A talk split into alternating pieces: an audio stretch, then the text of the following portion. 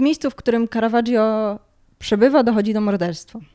Na nieszczęście dla niego ofiarą morderstwa jest jego mm, przeciwnik, zarówno artystyczny, jak i taki towarzyski. Oliwy do ognia dolewa to, że Caravaggio był wcześniej notowany za różne bójki, awantury w karczmach i tak dalej. Oprócz tego obaj panowie prowadzili dosyć rozwiązły tryb życia i e, w trakcie tego ich życia pewne kobiety im się pokrywały. Więc... Ta historia jest cudowna, opowiadaj. Five, four, three, two, one. Podcast radioaktywny.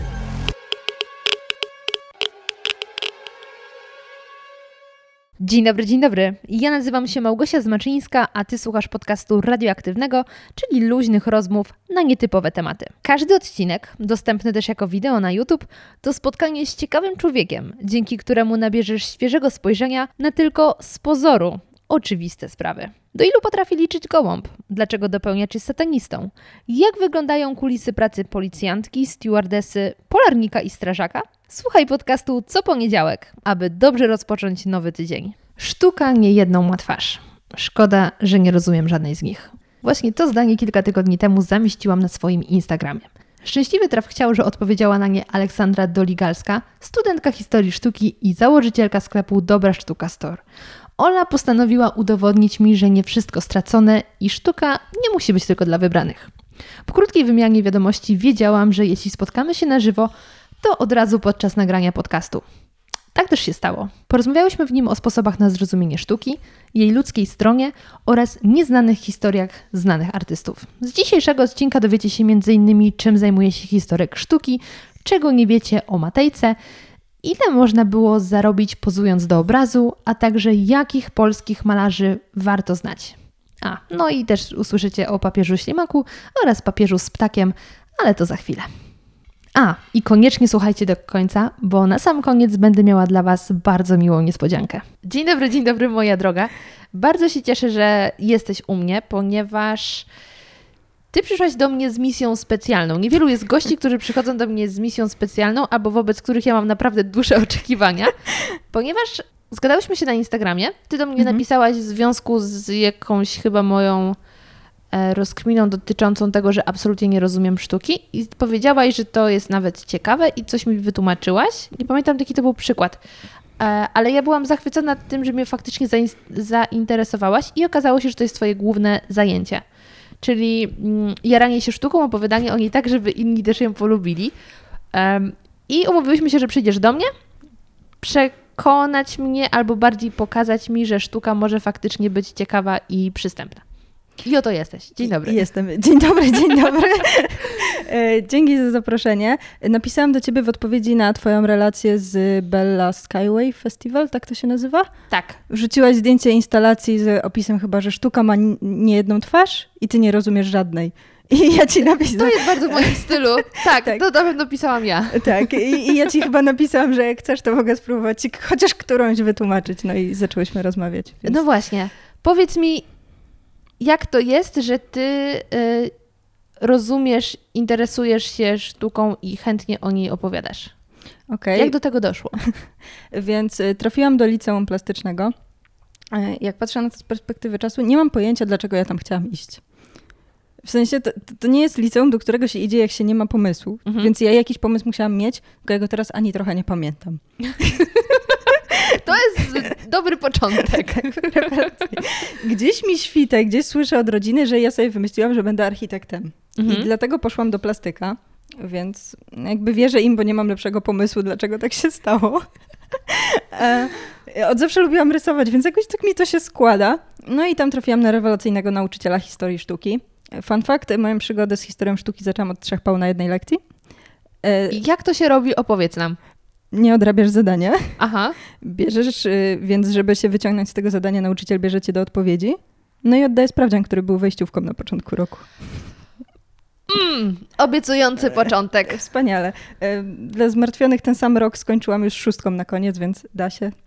Także ale to ci tak wjechało na ambicje, czy faktycznie dzięki temu nauczycielowi y, zainteresowałaś się tematem? Dzięki niemu. Okay. To totalnie. Znaczy, jakby ja jestem raczej z tych dobrych uczniów. e, więc y, tak, te trzy pały wjechały mi mocno na ambicje. I w, ja dostałam od niego ultimatum, że mam to poprawić, powiedział mi, co mam dodatkowo zrobić i tak dalej.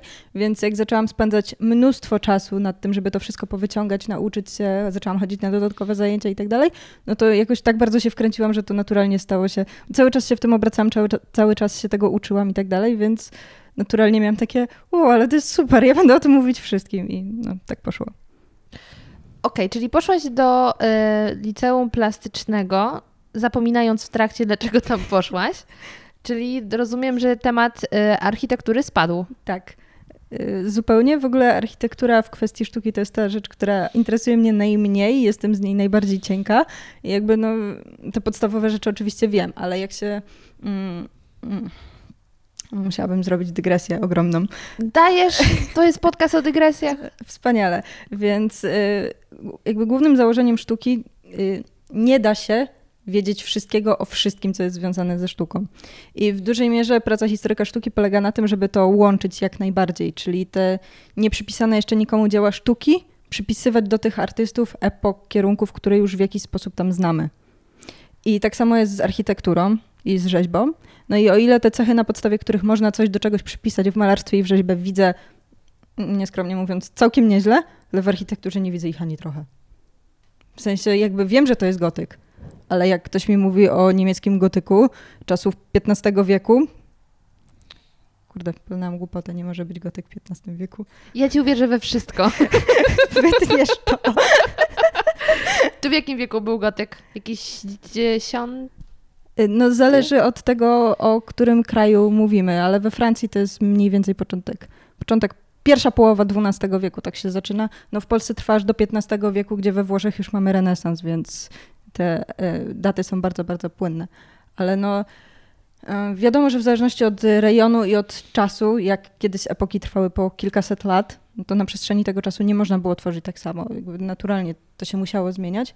I każdy ten czas i każde miejsce geograficzne ma swoje charakterystyczne cechy. I tak samo jest w architekturze i ja tego kompletnie nie widzę. Do, do tego zmierzałam.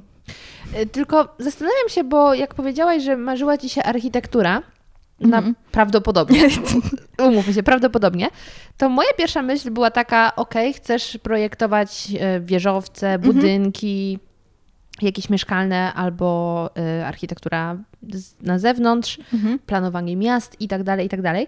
I moje pierwsze skojarzenie w ogóle nie było ze sztuką. To było bardziej ładne rzeczy na papierze zrobić, ale nie pomyślałam, żeby traktować to jak sztukę, tylko ładne wieżowce. Mhm. A ty od razu nawiązałaś do tego właśnie, że, mm, że w sztuce tak nie do końca tą architekturę czułaś Mhm. i nie czujesz dalej. I to mi dało do myślenia, że faktycznie budynki to jest sztuka. Tak, to znaczy tutaj jest duży spór, czy to jest sztuka, czy to jest już tych, czysto tech, techniczne, technologiczne. I to jest chyba nierozstrzygalne, bo o ile rzadko na blokowiska patrzymy w kontekście sztuki jako takiej, no o tyle chyba wszyscy się zgadzamy, że gotyckie budowle, których się uczepiłam, mają dużą wartość estetyczną. Albo katedra Notre Dame, świętej pamięci. tak. Y, Mogę się przyczepić? Oczywiście. Trzeba by było powiedzieć, że Notre Dame w Paryżu, bo jest mnóstwo Notre Dame, bo to jest po prostu wezwanie Matki Boskiej. To jest tak, jakbyś w Polsce powiedziała, że Kościół Mariacki. No, który? W Krakowie. No, jest w Gdańsku też. Jest w co drugiej miejscowości, tak na dobrą sprawę, nie? I to już jest pierwsza rzecz, którą wyniesiemy wszyscy z tego podcastu. Mega ciekawe, ale to chyba tak samo jest jak z mm, Duomo. Tak. Że ludzie mówiąc Duomo myślą Mediolan, a Duomo to jest po prostu katedra? Y, tak.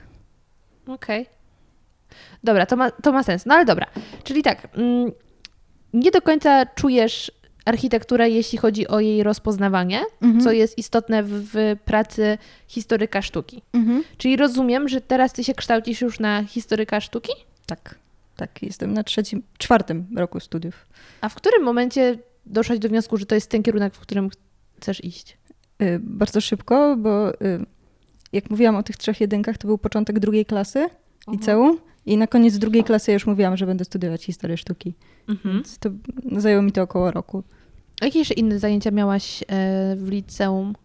No oprócz takich standardowych, które musimy mieć wszyscy na etapie szkoły średniej, miałam grafikę komputerową, Znaczy, te, przedmioty nazywały się inaczej, nie? Ale jak powiem, że miałam specjalność, no to nikomu to nic nie powie. Y, Miałam rzeźbę, miałam rysunek i malarstwo. em, Miałam coś, na czym ćwiczyliśmy kaligrafię, ale nie pamiętam, jak się ten przedmiot nazywał. Miałam fotografię. Chyba tyle. I żaden z takich praktycznych, powiedzmy, przedmiotów Mhm. nie zainspirował cię tak jak uczenie się po prostu o historii sztuki? Trochę tak. E, To też jest specyficzne środowisko, bo um, dajmy na to, jeśli jesteś w ogólniaku jakimś i dobrze rysujesz, no to wszyscy cię postrzegają przez to, że dobrze rysujesz. No i nagle trafiasz do środowiska, gdzie masz 30 uczniów, 300 uczniów i wszyscy dobrze rysują. Mhm. Więc y, to, że potrafisz coś tam lepiej niż przeciętnie, jeszcze nie znaczy, że wśród tych lepszych jesteś dobry. Więc ja miałam tak, że na przykład jestem raczej cienka z rysunku i po prostu widziałam, że bardzo mocno mój poziom odstaje od poziomu innych i nie do końca chciało mi się to ścigać. Znaczy to się da, da się wyrobić rękę, wiadomo, że nie do jakiegoś tam maksimum, ale częściowo się da. Ja nie chciałam. Zobaczyłam, że mogę być dobra w teoretyzowaniu o sztuce i bardzo mocno skręciłam w tę stronę. Chociaż no, to wszystko, czego się nauczyłam, jest dzisiaj w miarę ogarniam na przykład Photoshopa, czego bym pewnie nie ogarniała, gdybym nie miała zajęć z tego, nie? Zezdraszczam. to przydatna umiejętność w tych czasach. No ale okej, no to jak postanowiłaś, że będziesz szła już w stronę historii sztuki, to moje pierwsze pytanie brzmi, czy w twoim środowisku zaczęły pojawiać się głosy, ej, a co ty po tym będziesz robić? Ja właściwie słyszałam same takie głosy, ale to jest, y, znaczy ja mam w ogóle podejście takie, że no jakby to można zadać pytanie po absolutnie każdym kierunku, bo Mhm. 90% z nas studiuje coś, po czym ciężko znaleźć jest pracę w zawodzie, bo po prostu tak jest. Ja też nie miałam jakichś sprecyzowanych e, planów, w jakiej dziedzinie, w jakiej instytucji chcę pracować, bo moją największą miłością pod względem artystycznym jest Caravaggio. W Polsce nie mamy ani jednego obrazu Caravaggia. Najbliżej jest w Berlinie, potem w Wiedniu, więc gdziekolwiek chciałabym się nim zająć, musiałabym się wyprowadzić. A wyprowadzka za granicę nie wchodziła tak do końca w grze, więc nie miałam jakichś sprecyzowanych, że chcę pracować w tym muzeum. Po prostu wiedziałam, że chcę się zajmować sztuką, a w jaki sposób będę to robiła, to było jeszcze płynne, zresztą nadal jest płynne, więc nie, Okej. nie wiem, czy odpowiedziałam na twoje pytanie. No tak. I myślę, że te same argumenty podawałaś właśnie tym osobom, które Tak. zaczepiały w ten sposób. A w twojej rodzinie w ogóle jest ktokolwiek, kto się zajmuje sztuką? Mm, Chyba nie. Znaczy, słyszałam, że moi dziadkowie, chyba pradziadkowie rysowali, ale nie wiem, czy możemy to jakkolwiek uznać, że jest ktoś, kto się zajmuje sztuką. A czy na przykład y, byłaś wychowywana już blisko sztuki? Y- Chodziliście często do muzeów, analizowaliście jakieś dzieła i tak dalej? Ale od y, bardzo wczesnego dzieciństwa bardzo dużo rysowałam i chodziłam na wszelkie takie dodatkowe lekcje. Ym, Dużo kółek zajęć dodatkowych, więc jakby cały czas rysowałam, ale ja jestem z małej miejscowości, nie ma muzeum żadnego, więc raczej nie. Okej. No dobra, no to jesteśmy już przy historii sztuki, to jest twój kierunek. To, to było pytanie. Nie, muszę zadać to pytanie, tylko nie wiem, czy, czy zabrzmi tak źle.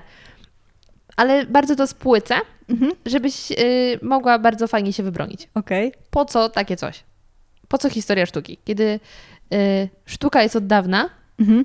I to, co było, już raczej zostało opisane, Mhm. więc czy my w XXI wieku, w roku 2019 dalej potrzebujemy historyka sztuki? Absolutnie tak. Co wiesz o historii sztuki?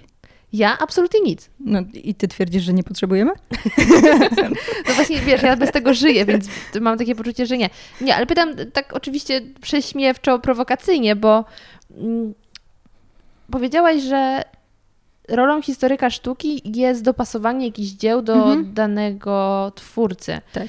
I zastanawiam się, czy są jeszcze jakieś dzieła sztuki, które dalej nie wiadomo do kogo należą? Tak, Mimo, Tak. że to już tak, tyle lat mija? tak, absolutnie tak. I takich dzieł myślę, że nie przesadzę, jak powiem, że są tysiące, dziesiątki tysięcy nawet. Bardzo często, y, nawet jak mamy jakieś dzieła w muzeum, wystarczy się przejść i tam nie ma dopasowanych konkretnych nazwisk. Jest wiek i może jakaś miejscowość bardziej. I no to dopasowali właśnie historycy sztuki, bo No, słyszy się o takich historiach, że gdzieś ktoś tam coś na strychu znalazł, na przykład jakiś obraz w spadku po dziadku Mhm. i tak naprawdę nikt nie wie, co to jest i skąd to się wzięło. No i tutaj wkraczają właśnie historycy sztuki, którzy próbują odpowiedzieć na to pytanie i bardzo często okazuje się, że te rzeczy są całkiem sporo warte. Na przykład moją taką ulubioną historią jest Caravaggio. Mhm. E, Pewien pan miał e, gigantyczne długi i bank zajął jego dom. No i w trakcie przeszukiwania tego domu na strychu znaleźli, em, znaleźli obraz. Wzięli obraz do konserwacji i okazało się, że to jest Caravaggio, którego szukali od kilkudziesięciu lat. I teraz obraz no, wisi w muzeum, jest warty jakieś absurdalne kwoty i myślę, że gdyby ten człowiek wiedział, że ma to na strychu, to mógłby żyć jak milioner do końca życia, a on splajtował i no, nie wiem jak skończył, ale to jest no, moim zdaniem super ciekawe. Mm, A poza tym, no, historycy sztuki mają bardzo mocno rozbudowaną taką wrażliwość estetyczną. I myślę, że to nam wszystkim w społeczeństwie jest bardzo potrzebne, żeby tę właśnie wrażliwość estetyczną w nas kształtować, bo chyba nam jej trochę brakuje, tak ogólnie mówiąc. Zresztą, no, mm, patrząc na wychowanie estetyczne, które nie istnieje, i w tym kraju, znaczy o tym kraju mogę się wypowiadać, o innych nie, wydaje mi się, żeby nam się przydało. Kolorowe balkony? Tak, też. Okej. No dobra, to powiem tak. Do tego wychowania estetycznego przejdziemy, bo my tu już sobie wcześniej przed Mhm. włączeniem mikrofonów zaczęłyśmy w sumie o tym e, rozmawiać, ale mm, zastanawiam się w takim razie, w jaki sposób historycy są w stanie dopasować niektóre dzieła. W sensie, ja rozumiem, że y, poszczególni twórcy mieli jakiś swój styl i tak dalej, Mhm. i tak dalej, ale mm, mam wrażenie, że ludzie, mm, niektórzy mogą rysować w bardzo podobny sposób, e, ale na przykład nie weszli w tym czasie do, do mainstreamu. Więc dajmy na to, malowali tak jak Van Gogh, ale byli nieznani. Mhm. No bo nie wiem, czy jest możliwe, żeby był tylko jeden człowiek na świecie, który rysuje w danym stylu? No wydaje mi się, że nie ma ludzi niezastąpionych, więc Mhm. nawet te style są podobne. E, No więc wtedy historyk sztuki by stwierdził, no Van Gogh, ale to wcale może nie być Van Gogh. Em, Najczęściej, jeżeli coś nam bardzo przypomina danego artystę, który jest w jakimś takim mainstreamie bardzo rozpoznawalny, ale nie mamy pewności, że to jest on, bo na przykład brakuje nam dokumentów zamawiających to, które by nam to potwierdziły, bo na tej podstawie właściwie mamy pewność. Jeżeli mamy jakiś dokument, który mówi, że takie dzieło było zamówione u artysty albo jakiś spis inwentarzowy i tam jest to dzieło wymienione, to mamy pewność, a jeśli nie, to najczęściej się określa, że to jest z kręgu. I wtedy jest bardzo blisko, ale raczej, e, jeżeli nie ma pewności, staramy się nie celować w dokładne nazwiska, bo jakby wszyscy wiemy, że to nie do końca ma sens, tak jak sama zauważyłaś. Dlatego bardzo często określa się po prostu wiekami czy środowiskami, bo to jest dosyć bezpieczne. I chociaż dla większości brzmi to bardzo absurdalnie, to te rzeczy widać. I jeżeli, no nie wiem, mamy środowisko naddunajskie w czasach Direra, to ono jest charakterystyczne i osoba, która się na tym zna i naglądała się tego dużo, bo to jest kluczowe, żeby się dużo naoglądać, wtedy te różnice widać, jest w stanie no, praktycznie bez pudła przypasować jedno do drugiego. To dlatego właśnie historyk sztuki musi się specjalizować w jednej dziedzinie, żeby sobie za bardzo mózgu nie e, zawracać? Troszkę tak. Okej. Znaczy, jakby mamy wiedzę na temat każdego z nich, ale nie da się wiedzieć wszystkiego o wszystkim, bo mówimy o kilku tysiącach lat. W ramach tych kilku tysięcy lat żyło jeszcze więcej ludzi i praktycznie każdy z nich czysto teoretycznie mógłby coś stworzyć. Mhm. Więc nie da się wiedzieć wszystkiego o wszystkim. Była też rzecz dla mnie taka trudna, jak już byłam tak mocno wkręcona i wydawało mi się, że wiem bardzo dużo na temat sztuki. e, Uświadomienie sobie, że wiem jakąś absurd, absurdalnie małą cząstkę tego Mhm. wszystkiego i że nigdy tak naprawdę nie doskoczę do poziomu, bo e, nawet jeżeli znać by wszystkie dzieła ze wszystkich muzeów na świecie, to to i tak jest tylko jakiś ułamek. Okej. No to powiedz mi, w jaki sposób ty się uczysz tego fachu, że tak powiem? Okej. Czy to jest głównie czytanie, czy właśnie oglądanie, czy szukanie ciekawostek, żeby ci lepiej zapadły rzeczy w pamięci? E, Więc to zależy, czego mam się nauczyć. Jeżeli mam się nauczyć rzeczy o epoce, no to wiadomo, że jest to czytanie najczęściej jakichś teoretyków piszących w danym wieku, bo no, czytanie o kimś, kto żył w którymś momencie i on pisał o tym, co się działo, wiadomo, pozwala nam lepiej zrozumieć e, e, Europę, epokę i jakiś punkt widzenia ludzi w tamtym czasie. Jeżeli mam się nauczyć życiorysu danego artysty, to po prostu czytam o życiorysie, a jeżeli mam się nauczyć twórczości, to niestety to jest e, dosyć nudne przeglądanie slajdów po prostu w kółko przeglądanie i w którymś momencie zapamiętujesz to, jak to wygląda i zapamiętujesz jakieś charakterystyczne cechy i na tej podstawie jesteś w stanie wyłapywać dalej. Nawet jeżeli, mm, nawet jeżeli trafisz na jakieś dzieło, którego nigdy w życiu wcześniej nie widziałeś, posłużę się znowu przykładem Caravaggio. E, Muszę go obczaić, żeby wiedzieć, o kim opowiadasz. E, Dobra, Caravaggio to jest y, bardzo charakterystyczny artysta barokowy z wczesnego baroku. Y, Bardzo mocno upraszczając, jego obrazy mają ciemne tła. Bardzo ciemnozielone, brązowe, czasami trochę w czerni wpadające. Więc jeżeli no, nie znając dzieła sztuki, dostajesz dzieło z ciemnym tłem, no to możesz celować, że to jest jakiś czas Caravaggio, nie? Mhm. Znaczy jest szansa, że jeszcze nie trafisz, bo to może być kręg Caravaggia, może być Rembrandt, może być Utrecht, może być jakiś eksperymentalny Tycjan, ale jakby... Eksperymentalny Tycjan, podoba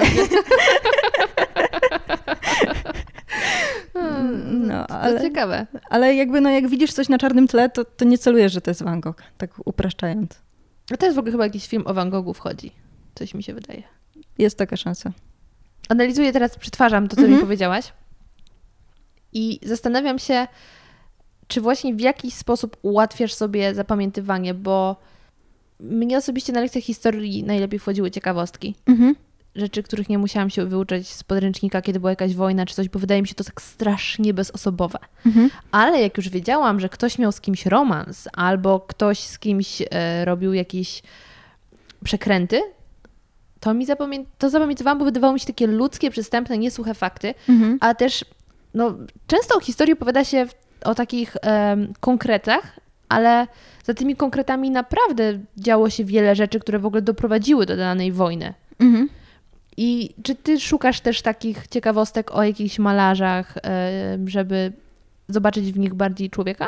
Tak, zawsze. Ja w ogóle uważam, że wyjście z punktu człowieka, artysty, dużo bardziej pozwala patrzeć na jego sztukę. W sensie patrzenie na obrazy, o których nie wiemy absolutnie nic, moim zdaniem jest trochę suche. Jakby wiem, że ludzie tak robią, ale ja staram się tak nie robić, chociaż no, to jest niemożliwe, bo nie da się wiedzieć wszystkiego o wszystkich.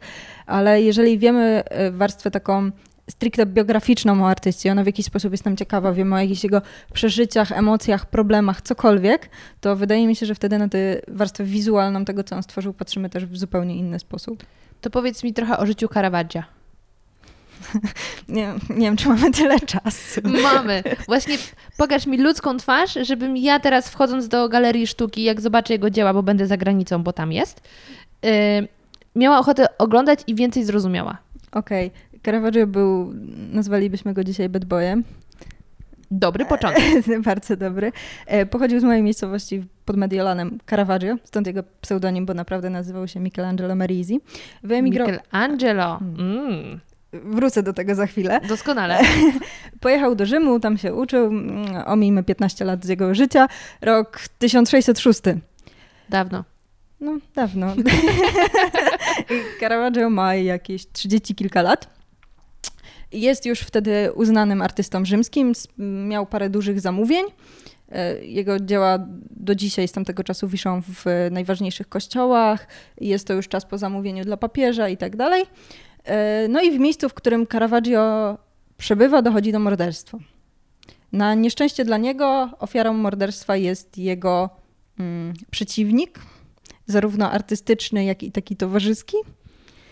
E, oliwy do ognia dolewa to, że Caravaggio był wcześniej notowany za różne bójki, awantury w karczmach i, tak dalej. Oprócz tego obaj panowie prowadzili dosyć rozwiązły tryb życia i e, w trakcie tego ich życia pewne kobiety im się pokrywały. Ta Więc, historia jest cudowna. Opowiadaj. e, więc jak nie trudno się domyślić, Caravaggio zostaje oskarżony o to morderstwo. Nikt do dzisiaj nie ma pewności, czy on je faktycznie popełnił, ale no, wiele wskazuje na to, że seems legit, nie? A więc Caravaggio ucieka z Rzymu, bo grozi nad nim kara śmierci. Przez cztery lata plącze się po Mediolanie, tfu, nie Mediolanie, Neapolu, Syrakuzy, ucieka, w ogóle wstępuje do zakonu maltańskiego, żeby mm, zdjąć z siebie te, mm, ten Jezu, obo- obowiązek powrotu do Rzymu, bo on jest cały czas ścigany przez ten czas. A jak jest w klasztorze, to nie może, no ale on nie nadaje się do życia klasztornego, więc wpada w jakąś awanturę z jednym z zakonników, zamykają go, on podobno uciekł z więzienia klasztornego. Jakieś takie absurdalne rzeczy w ogóle się dzieją w międzyczasie. No ale do władzy papieskiej na tron dochodzi Paweł V, który jest wujkiem Scypiona Borgese, A Scypion Borghese był kardynałem, ale przez rzymskie lata był mecenasem Caravaggia, czyli tą osobą, która jakby dba... Wspiera. Tak, y, i też zamawia jego dzieła, dbał o jego zamówienia. Mm, No i Caravaggio wpada na genialny pomysł, że wyśle do Scypiona trzy swoje obrazy, które ten ma przekazać do papieża, żeby on z niego zdjął te y, nakaz egzekucji. Y, Jak ym, pomyślał, tak zrobił. Jednym z tych obrazów jest ten obraz znaleziony na strychu tego dziadka, o którym mówiłam. I teraz ten obraz, wow, No. kręciłam się. Tak. y, Kolejnym z tych obrazów jest y, ostatnia wersja Dawida z głową Goliata, gdzie jest teoria, że to jest podwójny autoportret Caravaggia, z tym, że Dawid jest dużo młodszy, więc teoretycznie to ma być Caravaggio jako 20-letni chłopak, który przyjeżdża do Rzymu i ten 40-letni jako ścięty Goliat pokonany, czyli że zabiła go pycha jego własna i tak dalej. Więc to jest taki też akt pokutny do papieża, że on zrozumiał, co zrobił i tak dalej. Mm, No i wysyła te obrazy, no tylko sam nie zdążył na statek, którym te obrazy płynęły. I w międzyczasie umarł w Porto Ercole, gdzieś na plaży. Podobno na gorączkę go zabiła jakaś febra. Właściwie nie jest do końca potwierdzone, po prostu go znaleźli na martwego na plaży. E, W międzyczasie, bo dobrnęłam do śmierci, zapominając o moim absolutnie ukochanym wątku, e, jeszcze jak mieszkał w czasach rzymskich, e, istnieją dokumenty potwierdzające, że przez wiele lat mieszkał z chłopcem. Da, da, da, da. Tak, tylko że no, Caravaggio oficjalnie nie prowadził żadnego warsztatu, ani żadnej szkoły, ani nic takiego, więc są domysły, ścierpła mi sorry. E, są domysły, kim ten chłopiec dla niego był. Chłopiec nazywał się Cecco, Cecco del Caravaggio. Możemy to rozumieć na dwa sposoby, czyli od Caravaggia właśnie jako jego taki posłaniec, ale tak też dosłownie jako partner. W sensie, że od Caravaggia. Teraz też o kimś tam mówimy, nie? Że jest to tam, nie wiem, Paweł od Agnieszki na przykład. Mhm. No to jakby w tym sensie i są tutaj wątpliwości. E, Czekko był też modelem do wielu jego mm, obrazów, chociażby do Amora Zwycięskiego, co jest w ogóle bardzo z naszej perspektywy dzisiaj XXI-wiecznej trochę niemoralne, ale on na tym obrazie ma 12 albo 13 lat, zależy na której wersji się wzorujemy, a on jest tam nagi dosyć w odważnej pozie. Ale w sztuce to jest bardzo stary motyw, że dzieciaki są na obrazach i dzieciaki były częścią życia i wtedy mali chłopcy bawili się z dużymi chłopcami. W sensie takie były czasy dziwne Tak, kiedyś. tak, no, tak. bo dziwne, no Tylko ciężko oceniać, po Nie, było. nie mówimy tutaj typowo o dzieciaku, tylko już miał 13 lat, nie? Młodzieńcu. No, no, Chociaż wła- teraz to dzieciaku. no właśnie, no. więc zależy z jakiej perspektywy na to patrzymy. Mhm. Teoretycznie obraz nie miał mieć charakteru erotycznego i dzisiaj, z dzisiejszej perspektywy na to patrzymy tak trochę obrazoburczo, ale no jak sobie uświadomimy, że 30-letni facet mieszkał z 13-letnim chłopcem i malował go nago, to może nam się robić jakiś taki wewnętrzny zgrzyt. Jest taki jeden artysta z naszych czasów, który robił podobnie, chociaż nie malował chłopców, no ale komu oceniać? No, dzieje się. A tak naprawdę y, istnieją dokumenty, jak już powiedziałam, że oni mieszkali razem i w jednym z nich ich relacja jest opisana słowem garcone, Mhm. które może znaczyć zarówno uczeń, przyjaciel, jak i kochanek, Mhm. więc tak naprawdę no, no, nikt nie wie, co ich łączyło. Powiem ci, że gdybyś w taki sposób opowiadała mi o sztuce, to ja bym była na każdej wystawie. Naprawdę, to jest mega ciekawe, jak widzisz całą tą historię. I to nie jest tylko Mhm. jakiś, em, no, ktoś miał swoją pracownię, narysował obraz, bo stwierdził, to będzie ładne. Tylko tam faktycznie można się czegoś doczytać. A też często wydaje mi się, że te takie nawet krótkie opisy, które są e, Mhm. Galeriach, nie oddają tego wszystkiego, bo musisz znać cały kontekst. Ale no, przeciętny e, śmiertelnik nie zna tych kontekstów i Tak. dlatego to się wydaje takie suche. Tak, dokładnie tak, zgadzam się. Pozwolę jeszcze, zapomniałam, obiecałam, że nawiążę do Michelangela, Aha. a zapomniałam o tym, ale właśnie przez to, że Caravaggio miał na imię Michelangelo, on miał straszny kompleks na punkcie Michała Anioła, bo Michał Anioł już wtedy nie żył od 50 lat, Mhm. Ale już był bardzo uznanym artystą i Caravaggio o tym wiedział, no bo przebywając w tym samym mieście trudno o tym nie wiedzieć. I prowadził z nim współzawodnictwo, o którym oczywiście Michał Anioł nie wiedział, bo, Bo nie żył. dokładnie. ale e, w obrazach Caravaggia można odszukać nawiązania do najsłynniejszych obrazów Michała Anioła. E, Chociażby stworzenie Adama z kaplicy sykstyńskiej, te bardzo charakterystyczne ręce. E, U Caravaggia na powołaniu świętego Mateusza, jak jest przedstawiony Jezus, to Jezus robi dokładnie taki sam gest jak Bóg na stworzeniu Adama. Czadowe. No. Czy ja cię mogę prosić, żebyś w tym oto podcaście poopowiadała jeszcze trochę takich historii? No pewnie możesz poradzić. Dobra, to ym, czy masz jakieś ciekawostki, dajmy na to o... Czekaj, kto jest taki... No o Van Goghu to trochę wszyscy wiemy. Mhm. Picassie wydaje mi się też. Mhm. Ale czy są jeszcze jacyś tacy na przykład twórcy, których, którzy ciebie dodatkowo jarają, tak jak Caravaggio? Um, hmm. Może Modigliani? Proszę. Lata 20 w Paryżu, Mhm. tak zwany krąg École de Paris. Ciut bliżej. Okej, przepraszam. Nie przepraszaj, to ja dziękuję. E, mm, to nie, brzmi, nie zabrzmi za dobrze, ale ja mam jakąś taką skłonność do niegrzecznych chłopców, jeżeli chodzi o artystów. No ale, bo oni są ciekawi. Tak. Także nie No, musisz się tłumaczyć. Czy to, to są osoby, z którymi ani trochę nie chciałabym się przyjaźnić, ale Aha. absolutnie uwielbiam o nich słuchać e, z tą świadomością, że właśnie oni nie żyją. Znaczy, to po brzmiało okrutnie. Z tą świadomością, że fajnie o nich zapamiętasz, bo są wyraziści na tak, pewno. tak. Jest, większość artystów była wyrazista, tak na dobrą sprawę, nie? Ale e, wracając do Modiglianiego, on pochodził raczej z niskich warstw społecznych. Zakochał się w dziewczynie, przepraszam, jeżeli przekręcę jej nazwisko, Jeanne Habebutern. Fair enough. E, A ona pochodziła z arystokracji, więc em, jej rodzice byli bardzo przeciwni temu związkowi. No zresztą on był też awanturnikiem, pijakiem i tak dalej. E, Jego obrazy są takie bardzo charakterystyczne. On był zafascynowany mm, sztuką afrykańską, więc y, postaci specjalizował się głównie w portretach. Mm, Jego postaci mają właśnie takie smukłe twarze nawiązujące do tych masek afrykańskich i on nie malował oczu, bo twierdził, żeby namalować komuś oczy, trzeba zajrzeć w jego duszę. Mhm. Więc jeżeli maluje przypadkowego modela, to on nie zna jego duszy, więc nie może namalować. Jedyną osobą, której malował oczy, była właśnie jego ukochana. Co ciekawe, on nawet na własnych autoportretach nie malował oczu, więc... Ale jak nie malował oczu, to co było w tym Znaczy miejscach? robił takie cie- ciemne dziury jakby. Co ciekawe, to wygląda dosyć naturalnie. W sensie dopiero jak ktoś ci zwróci na to uwagę, że tam nie ma ani białka, ani tęczówki, to, to faktycznie to widzisz, ale jakby to się trzyma na tych obrazach, nie? To wygląda w porządku. Em, no i co? I on y, pił, awanturował się. Wyglądało to tak, że oni się kłócili, on leciał w cuk, ona go znajdowała gdzieś tam po trzech dniach leżącego pod płotem, ściągała go do domu, ogarniała, on ją przepraszał, w ramach przeprosin malował jej portret, no, po czym historia się powtarzała. To w sumie taki dość standardowy scenariusz, tylko wiele ludzi po drodze nie maluje portretów. Tak, troszeczkę tak.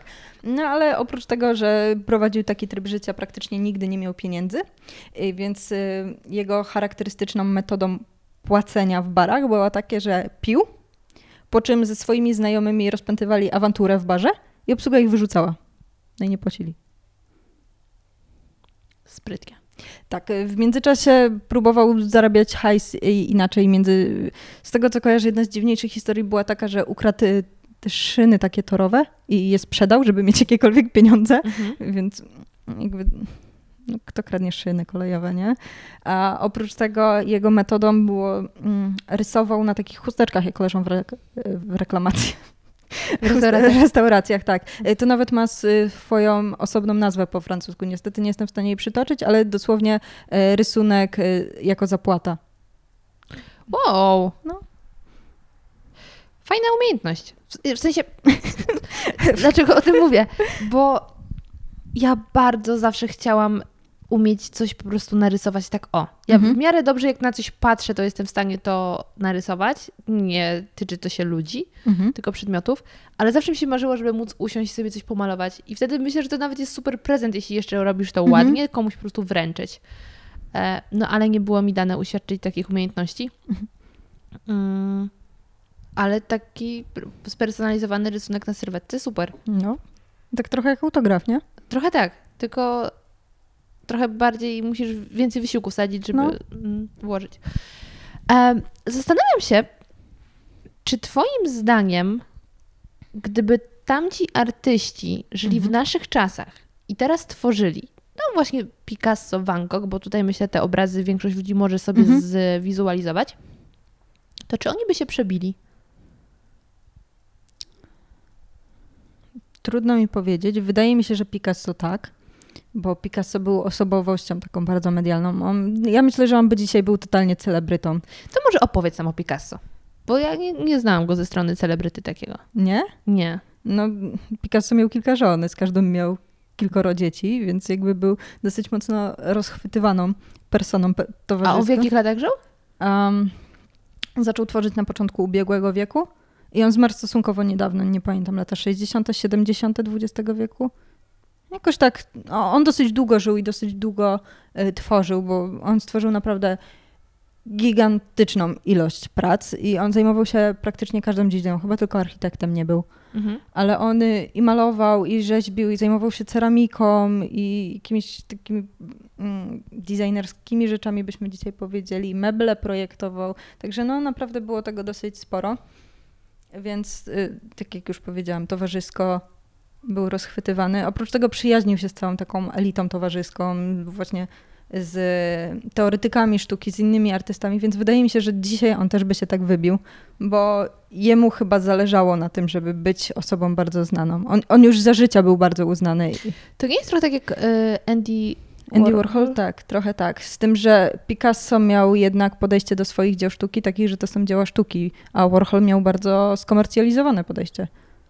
No zresztą Warhol swojej pracowni nie nazywał pracownią, tylko fabryką. O, tego nie wiedziałam. No, on nie mówił, że tworzy, tylko że produkuje. Znaczy, wynikało to też w dużej mierze, wydaje mi się, że z tego, w jaki sposób tworzył, że to są jednak grafiki. A grafiki można robić masowo, bo masz jedną matrycę i możesz to odbijać, więc stąd może być ta produkcja, ale jednocześnie on też e, bardzo właśnie komercyjnie podchodził do tego i on mówił wprost, że jemu zależy na pieniądzach, więc Mhm. a Picasso wydaje mi się, że jednak zależało mu też na takiej twórczości po prostu dla twórczości. Sztuka dla sztuki. Tak, tak, tak. Okej. O Picassie jest taki słynny cytat, który wydaje mi się, że to e, dobrze obrazuje, co on myślał na swój sposób. Jest duża szansa, że go przekręcę, e, że jak Picassa mama mu powiedziała, że jeżeli zostanie żołnierzem, to będzie generałem, jeżeli będzie kimś tam, to będzie kimś tam, nie pamiętam jakie tu było stopni, więc Picasso ch- chciał być malarzem i został Picassem. Okej. No. Czyli to jest jak gdyby dowód jego no, wyższości, Tak, tak. wspaniałości. O, on był tego bardzo świadomy. Podobnie świadomy był Salvador Dali.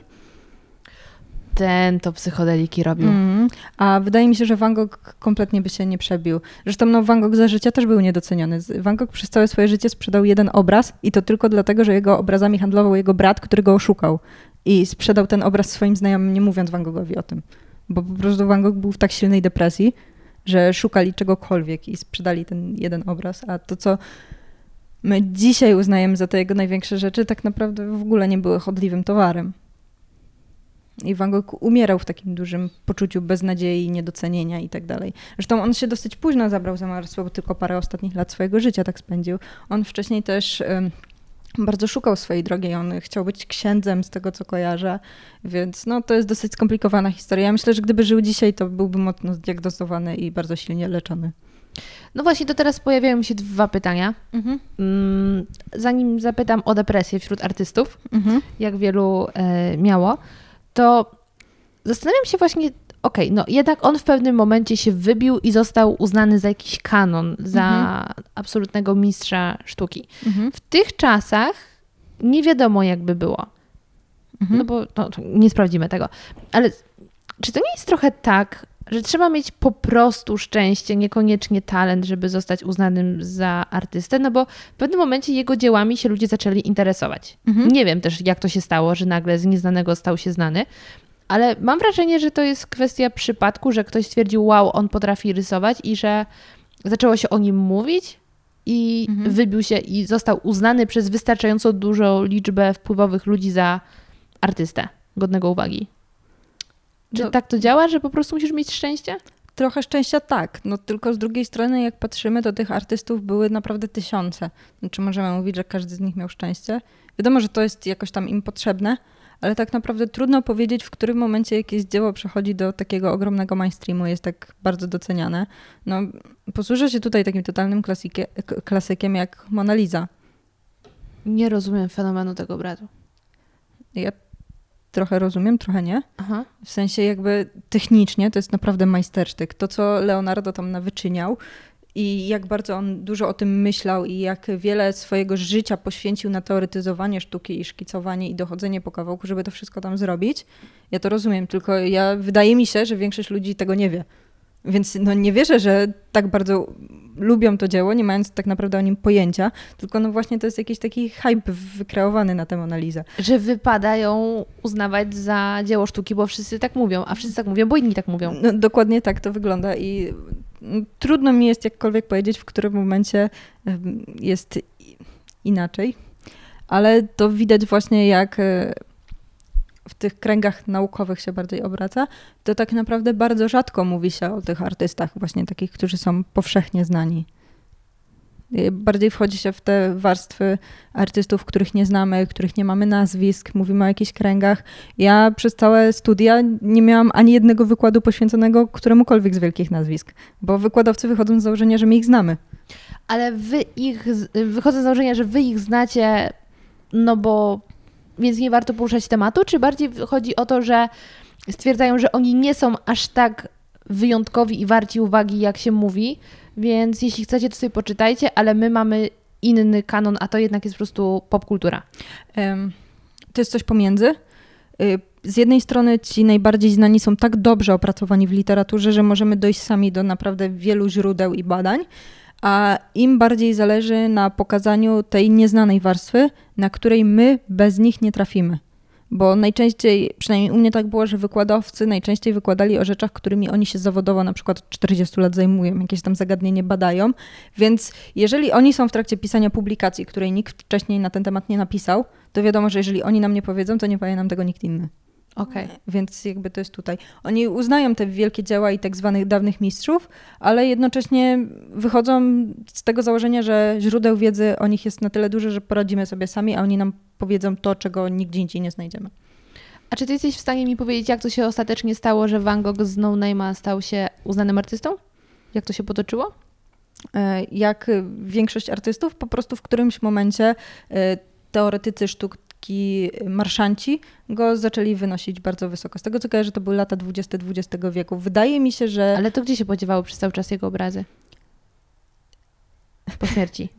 Wydaje mi się, że miał je jego brat, ale nie znam na tyle jego historii, bo jego brat Theo był marszantem i on handlował dziełami sztuki, więc wydaje, jakby tak naturalnie wydaje mi się, że powinien mieć dzieła Van Gogha, ale nie dam tutaj stuprocentowej pewności. Rozumiem. No. A jak często jest tak, że mm, danego artystę wynoszą na wyżyny właśnie teoretycy sztuki, a jak często po prostu e, mecenaci? Mecenasi. Mecenasi, okej. Okay. Mhm. Mecenasi, um, czyli po prostu ludzie, którzy kupują i są zachwyceni i w, dzięki temu rośnie hype. Co e, jest częstsze? Bardzo często to jest ta sama osoba. W sensie teoretyk sztuki jest automatycznie też mecenasem. A, czyli to nie jest tak, że mamy sobie bogaczy, którzy stwierdzają, o w moim salonie brakuje jakiegoś nowego obrazu, kupmy. Nie znamy się na sztuce, po prostu stwierdzamy ładne rzeczy. no czasami tak jest, ale jak większość z nas, jeżeli na czymś się nie zna, to szuka pośredników. Mhm. I ci mecenasi trochę pełnili taką właśnie funkcję takich pośredników. Oni też doradzali, no ale też jak się obracamy w jakichś kręgach artystycznych, no to w jakiś tam sposób bardziej to dobieramy. Chociaż co jest ciekawe, na początku XX wieku większość teoretyków sztuki o dużej ilości mm, dzieł wówczas powstających e, miała raczej negatywne zdanie. Na? Na, na, temat y, w tym czasie powstających dzieł sztuki. Na przykład y, fowiści byli określeni na pierwszej wystawie fowistycznej wśród dzieł fowistów był taki posążek odwołujący się do XV-wiecznej rzeźby. Mhm. I um, zapomniałam słowa. Synonim? Teoretyk sztuki, krytyk, A. Voxel, tak mi się wydaje, że to był Voxel, e, powiedział, że jest to Donatello wśród dzikich bestii. Więc o ile wiadomo, że posążek odnosił się do Donatella, czyli do XV-wiecznego artysty, o tyle no, fowiści zostali wówczas określeni dzikimi bestiami, co raczej nie jest pozytywnym określeniem na dzieła sztuki, a jednak dzisiaj oni są raczej w tym takim kanonie, jeżeli mówimy o początku XX wieku. Hmm. A czy na przykład mm, jest możliwe, żeby. Inaczej. Jak, jakbym się miała zastanowić, Ilu mamy takich mainstreamowych mistrzów malarstwa, których zna każdy, bo po prostu o nich słyszał, to obstawiam, że byłoby dziś do 10. Mhm. Kogo ja na przykład znam? No właśnie Dali, Van Gogh, e, Picasso, mm, Warhol. Kto tam jeszcze? E, Boże. Ja jeszcze Kandyńskiego uwielbiam. Mhm. Jakie są jeszcze te- tacy znani? To, to jest chyba takie pięciu, których przychodzi mi od razu do głowy, ale jest... No, brakuje mi jeszcze trzech, których wymienia absolutnie każdy, których ty nie wymieniłaś. Autor Monalizy. A, no Van Gogh, tak. Y, Van Gogh, autor Monalizy. Leonardo. A co wiedział? Wiedziałeś, że Van Gogh jest autorem Monalizy. O, czyli to jest y, Da Vinci. Ty, a Van Gogh co zrobił? Też- Słoneczniki. Tak. Okej, no. No to mamy dwóch. Brakuje mi jeszcze autora stworzenia Adama. Kaplicy sykstyńskiej No to anioł. Anioł. Wydaje mi się, że zapomniałaś o najsłynniejszym Polaku. Zaraz po papieżu. Matejko. Okej, no. Y, Wszyscy uży... Ale właśnie, to jest to. Jak, wydaje mi się, że większość tak ma, że jak myślimy o e, sztuce, Mhm. obrazach, to nie przychodzą najpierw nam do głowy Polacy. No nie. Bo my mamy jeszcze no, kilku. W sensie. E, ja w nazwiska w ogóle jestem słaba. Okej. Ale czekaj, jak on się. Jak on miał nazwisko? Właściwie to jest przydomek. Ma sporo dzieł w Muzeum Narodowym Którym? Warszawskim. Okej. Mm. Malczewski. Mm-mm. Gierymski. Mm-mm. Mehofer. Mm-mm. Ale malował. Tak. A jakiś obraz, który namalował? Ja z, nie mam pamięci w ogóle do nazwisk i do y, takich rzeczy. Chełmoński? Y. Nie wiem nawet, w którą stronę iść. No nie na... Widzisz, nie naprowadzicie. Ale właśnie to jest to. Pomijając, że y, ja nie mam pamięci absolutnie do nazwisk Mhm. i na przykład chodzę z moim kumplem czasem do, do galerii i on mi na przykład mówi, że to jest to. I ja wtedy ze słyszenia kojarzę, Mhm. ale kurde, no zupełnie teraz nie pamiętam, jakie to było nazwisko. No niemniej. To mamy faktycznie takich powiedzmy dziesięciu Mhm. kultowych, y, światowych. No tak, na szybko przyszło mi pięciu, ale wszystkie dziesięć oczywiście nazwisk y, kojarzę. I zastanawiam się, czy jest możliwe, Mhm. żeby jakiś artysta taki z przeszłości. Przez obecnych historyków y, sztuki był tak wylansowany, żeby doszedł do, tych, do tego kanonu? Na przykład jakiś mniej znany, Mhm. żeby tak go teraz wynieść. Em, wydaje mi się, że tak trochę jest z Vermeerem. Chyba nie słyszałam. Słyszałaś? Dziewczyna z perłą? Okej, Słyszałaś. widziałam. E, więc wydaje mi się, że on, on właśnie robi się taki hype na niego, że co, coraz więcej osób o nim słyszy. On oczywiście w tych y, naukowych bardziej światach jest znany, bo to jest jednak klasyk tamtego czasu, ale wydaje mi się, że do tej przestrzeni publicznej on teraz bardzo mocno wchodzi. Że ludzie go doceniają. y, Wydaje mi się, że dużą rolę odgrywał, odgrywał w tym film Dziewczyna z perłą. Swojego czasu był dosyć mocno popularny, chyba wszyscy go oglądali, więc wtedy jakoś tak. Wydaje mi się, że właśnie to się dzieje z Vermeerem teraz. Że dużo osób jeszcze z 15-20 lat temu by w ogóle nie słyszało, a teraz jak się mówi dziewczyna z perłą, no to wszyscy wiedzą o, o co chodzi, nie? Mhm. No to ciekawe, czy jakaś taka perełka jeszcze do tego kanonu dojdzie. A co, jak się nazywa ten, który, na podstawie którego obrazów e, odrestaurowano Warszawę? Canaletto. O, on też jest zarąbisty. Bardzo lubię jego obrazy. To jest w ogóle y, śmieszna historia, bo jest dwóch Canalettów. Bellotto Canaletto To jest, jest jeden. nasz, No, A, a, jeszcze jest y, Antonio Canale. I to jest tak, że Antonio Canale, obaj pochodzili z Wenecji. Canale był wujkiem Bellotta. Tylko nie pamiętam, czy to był bratanek, siostrzeniec, Mhm. n- nie ma to większego znaczenia.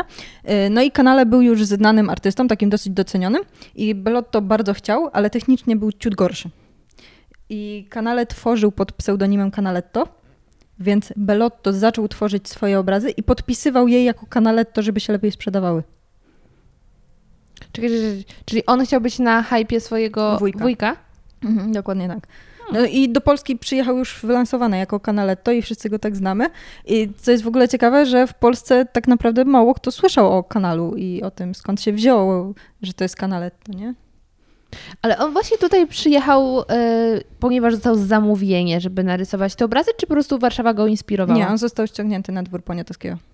To czemu nikt z naszych lokalnych artystów nie rysował tego, co jemu zlecono?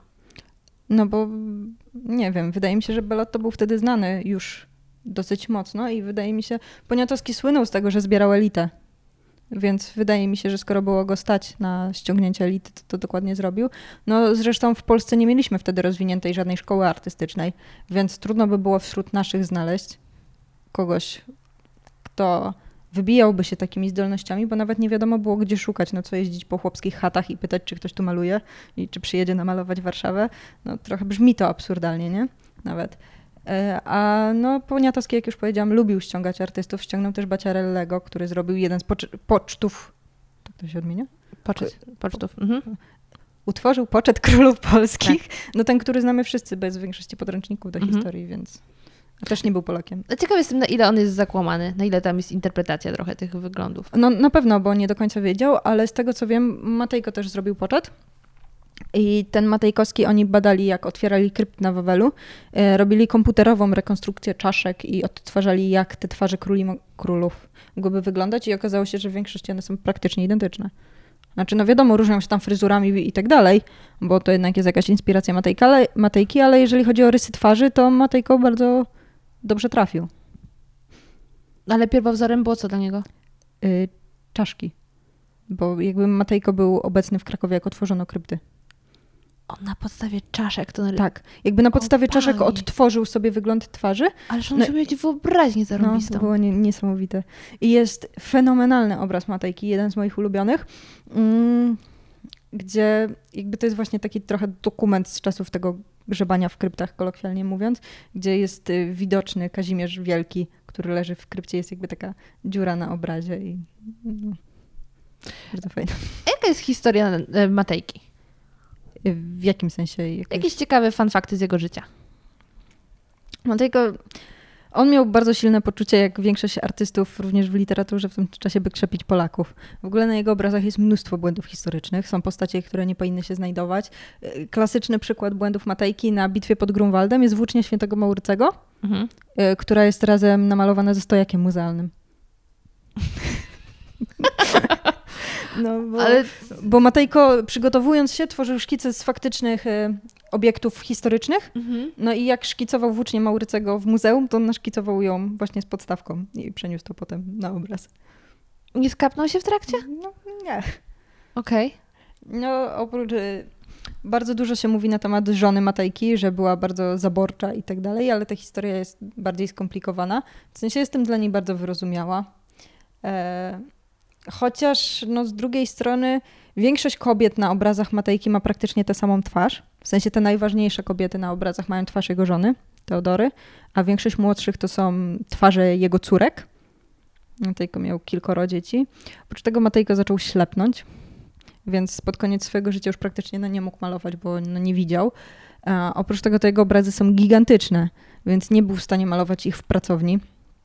A, wydaje mi się, że malował je na dziedzińcu Wawelu, ale mogę to mylić z dziedzińcem sukiennic. Zawsze to mylę i nie mam pojęcia, która odpowiedź jest prawda. W każdym razie on miał y, wydzieloną przestrzeń miejską, na której był w stanie rozłożyć te swoje płótna i tam malować. Czadowo. No, znaczy to takie duże uznanie. Oprócz tego no, Matejko wykształcił na tych najbardziej rozpoznawalnych młodopolskich artystów, to nie Wyspiański.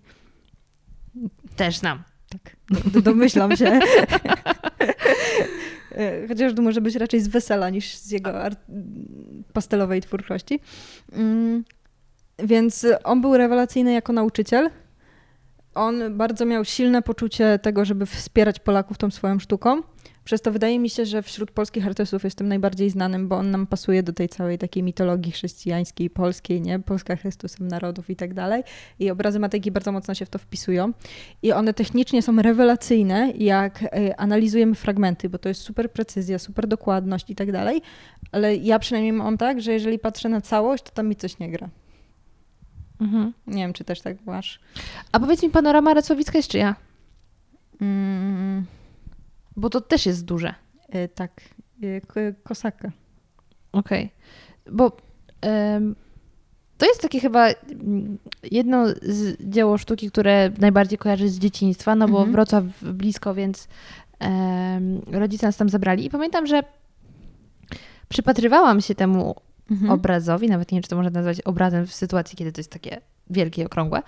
No tak, jak najbardziej. Formalnie to spełnia. No formalnie tak, aczkolwiek no zwykle jednak obraz sobie wyobrażamy po prostu e, w ramię. I przyglądałam się temu i mrużyłam oczy, bo mówili, że jak przymrużysz oczy, to to się będzie poruszać. Że tak, to jest tak realne. I tak bardzo próbowałam i zupełnie mm, nie czułam tego. I to, co też absolutnie, no domyślam się, że to jest w ogóle wielka sztuka, bo narysować coś tak wspaniałego, dużego to jest wow. Mhm. Na pewno bym tak nie zrobiła.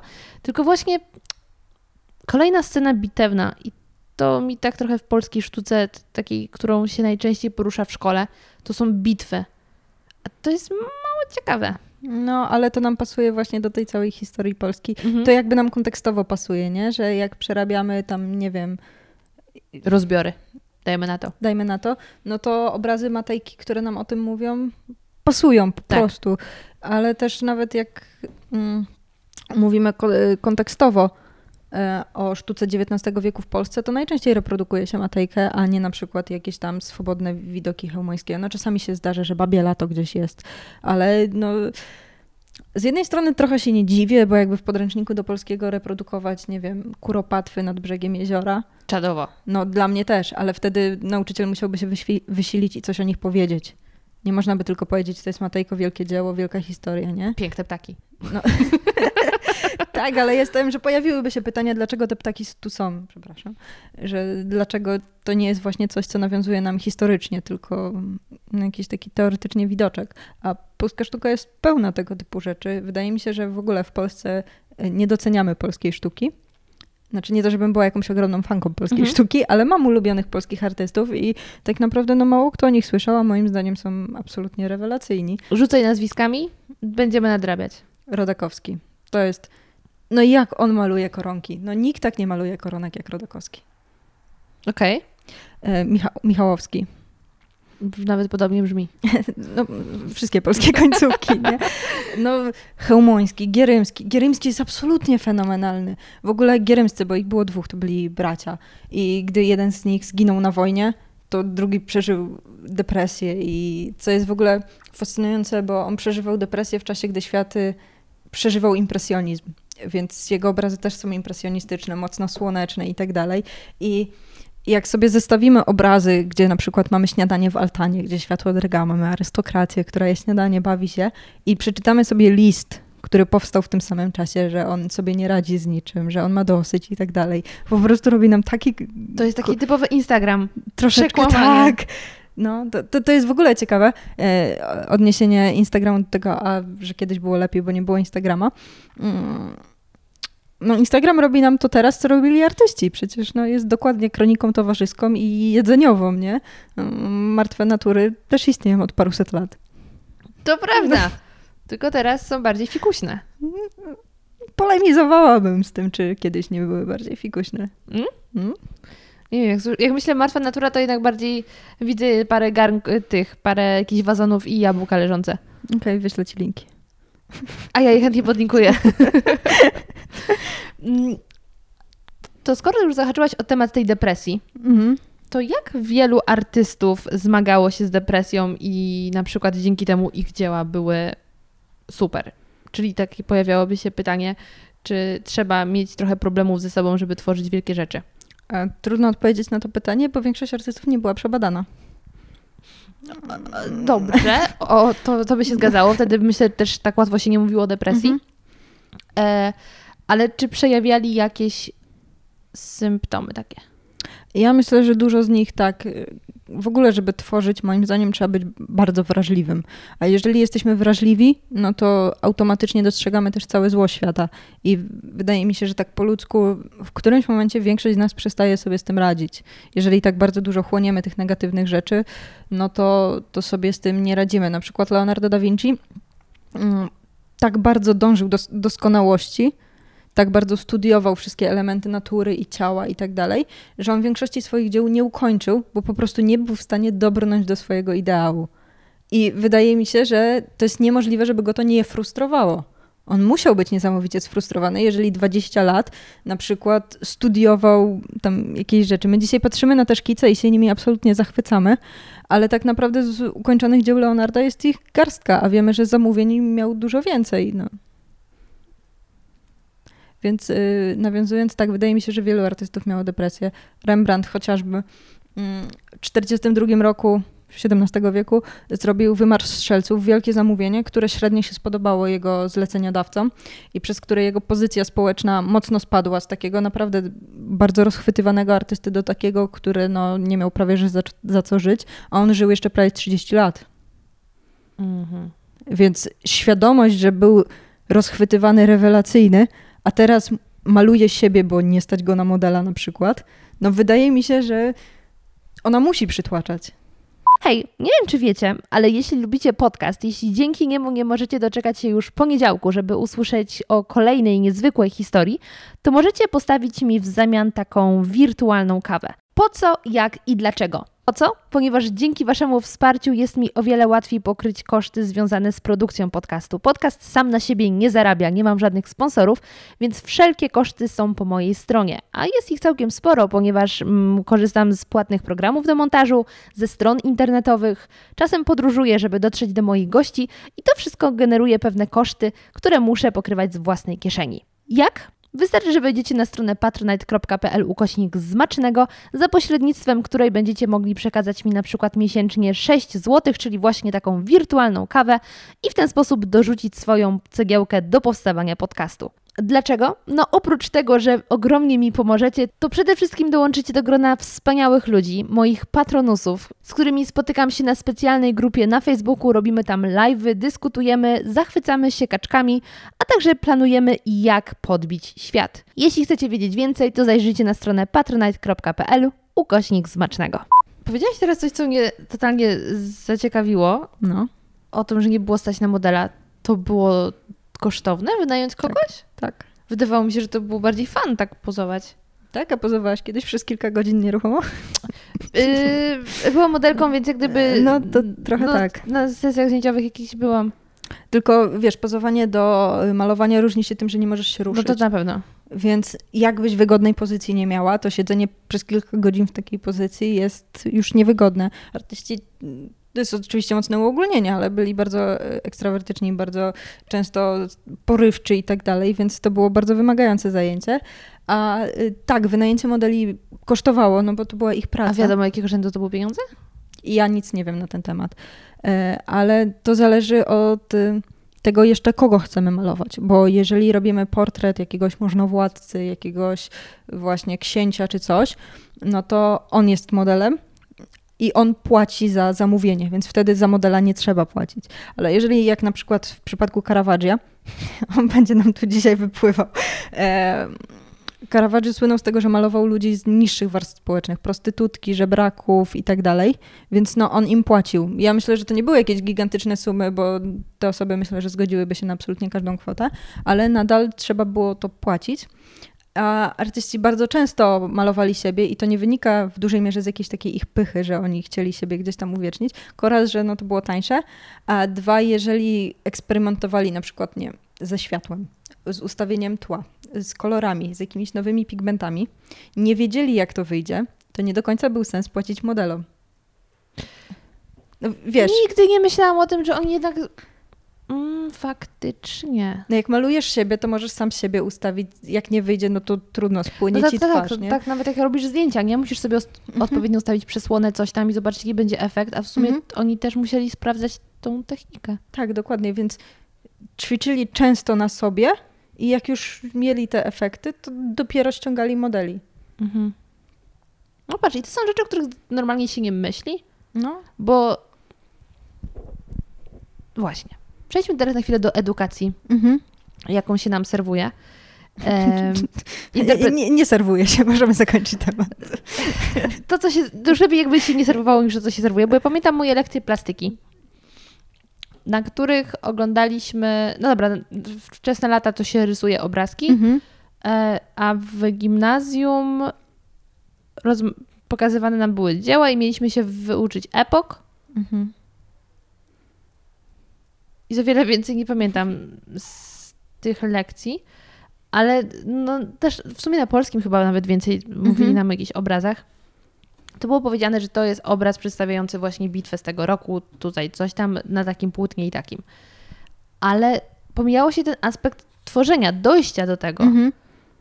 I dlatego wydaje mi się, że dlatego, teraz jak mi o tym powiedziałaś, że oni faktycznie musieli się przygotować, że to nie było tak, że jeden obraz za drugim, to o tym się nie myśli zazwyczaj. Tak, a to, to wydaje się takie absolutnie logiczne, nie? No tak, ty, No, no, tylko w sumie masz gotowca, nie? I myślisz, a no to jest obraz, narysował obraz. no. Pytanie w ogóle, ile takie obrazy się tworzyło? To zależy, bo mm, bardzo często powstawały całe serie podmalówek, czyli takich wstępnych szkiców i to albo były całe kompozycje, albo tylko jakieś wybrane fragmenty. E, One czasami powstawały na przestrzeni lat, gdzie na przykład ktoś zbierał szkice przez 20 lat i w ciągu roku malował wielki obraz. A mogło być tak, że po prostu siadał i od ręki coś tam robił. No, zależy też, co tak naprawdę oni chcieli uchwycić.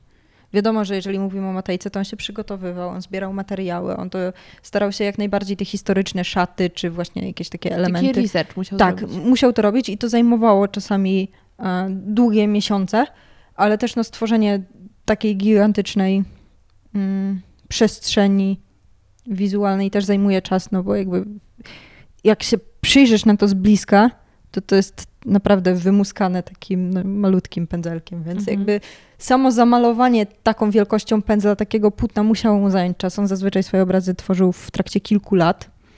W międzyczasie też robił jakieś inne? Tak, najczęściej tak. No zresztą nie, jakby idzie oszaleć, jeżeli cały czas robisz jedną rzecz, więc bardzo często w międzyczasie oni robili inne rzeczy, tylko też no, ciężko powiedzieć, czy szkic, szkicowanie sobie na przykład dłoni było dla niego zajęciem takim po prostu, żeby poszkicować, czy to mu służyło jako studium, które wykorzystywał później w całym dziele sztuki, nie? Mhm. Jakby to tutaj rozgraniczenie jest trudne. Na pewno większość z nich robiła jakieś researche. Zresztą większość artystów miała szkicowniki, więc po szkicownikach można zauważyć, że To E, musi być dla was y, niezła frajda przeglądać, No. nie? to jest absolutnie fenomenalne. Ale wydaje mi się, że to byłaby frajda dla wszystkich, tylko no, nikt o tym nie mówi znowu. I wydaje mi się, że nawet często szkice są dużo ciekawszym materiałem do oglądania niż gotowe dzieła sztuki, bo to gotowe dzieło jest już takie wymuskane, jest dokładnie takie, jakie artysta chciał, żeby było. A w tych szkicach widzisz całą drogę, jak on do tego doszedł i to czasami są naprawdę szkice na przestrzeni kilku, kilkunastu lat. I to jest no, niesamowite, jak bardzo oni się porozwijali, ale też na jakie y, elementy zwracali uwagę. Wrócę na chwilę do Leonarda. Jest jego obraz przedstawiający świętego Hieronima. On jest nieskończony, właśnie z tego powodu, że Leonardo dążył do doskonałości. I Leonardo przez kilka lat skupiał się na ludzkich ścięgnach. W sensie studiował, jak to się rozkłada, żeby być w stanie to oddać na obrazie.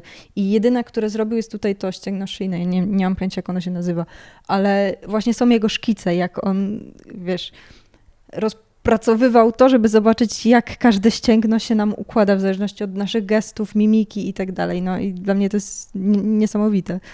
No ale Da Vinci to po prostu był człowiek, którego, nie wiem, jakbym chciała jakieś porównanie znaleźć w takich obecnie znanych mi sylwetkach, nawet historycznych, to Mhm. trudno mi znaleźć nawiązanie, no bo on był mózgiem. Mhm. Zdecydowanie tak. Na pewno nie było mu łatwo żyć, bo jak się jest wybitnie inteligentnym i zdolnym, to jest ciężko żyć. E, Chociaż z tego co wiem, e, on był bardzo zainteresowany światem, Mhm. niż bardziej jakoś. On nie był wykształcony tak stricte. Po prostu był mądry. On był bardzo mądry Mhm. i był bardzo ciekawy.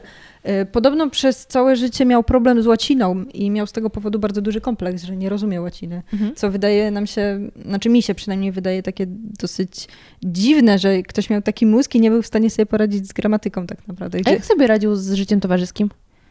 z tego co wiem, to chyba tak średnio. On tam chyba miał ze trzy procesy za sodomię czy coś takiego. Okej. No właśnie, bo podobno takie jednostki wybitne społecznie sobie radzą trudniej. No, ale to z jednej strony może wynikać, że im jest ciężko żyć z ludźmi, ale też ludziom jest ciężko żyć z nimi. No tak, tak, tak, tak. Więc Mm, Jakaś pojawiła mi się w głowie myśl, jak mówiłaś o. e, A, o tym procesie powstawania jeszcze, Mhm. bo właśnie e, ten mój znajomy, z którym czasem chodzę do galerii Mhm. sztuki, w pewnym momencie stwierdził, że on też chce narysować obraz. Powiedziałam, okej.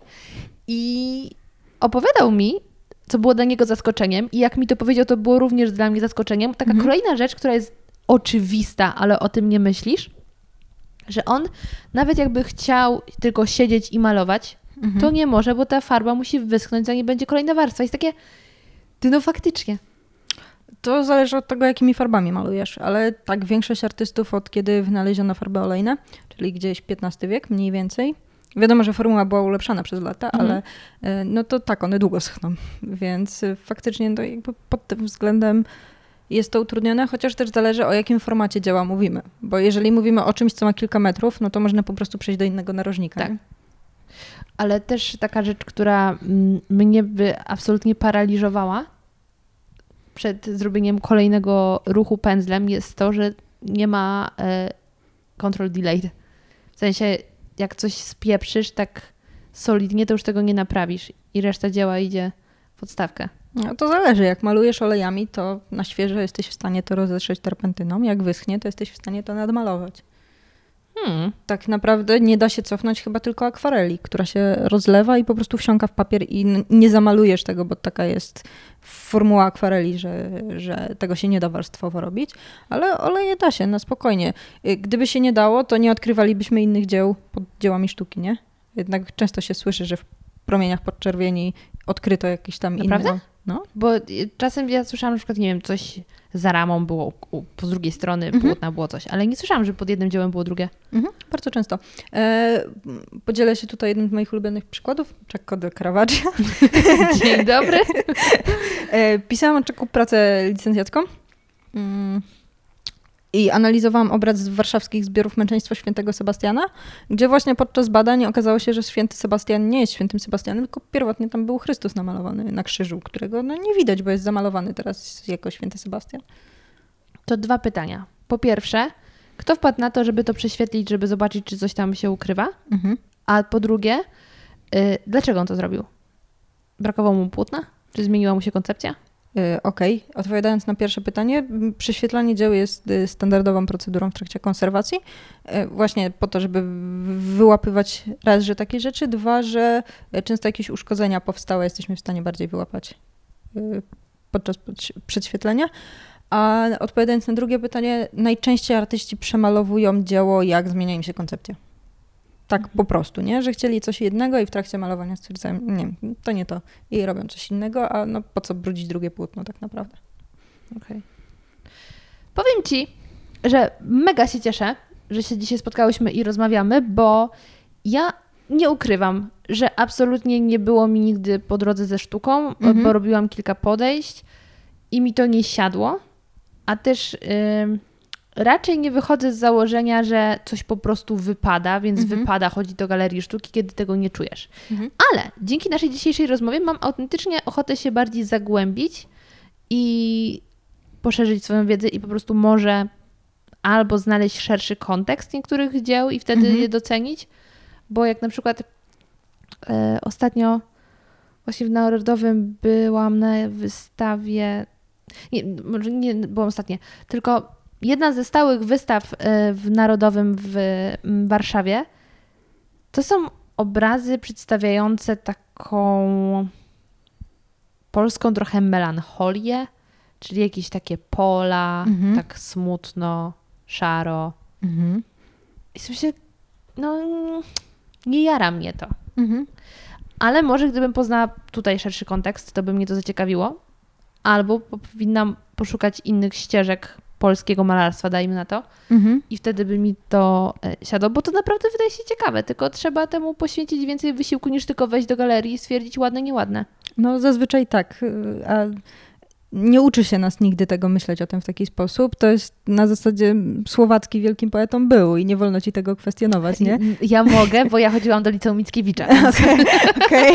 Ale znowu, nawet y, Mickiewicz i Słowacki wydają się ciekawsi, kiedy wiemy, że pomiędzy nimi były spory. Mhm. Chłopaki się nie lubili, więc wtedy można w ich dziełach doszukiwać się takiej na przykład rywalizacji i to już sprawia, że to jest ciekawsze.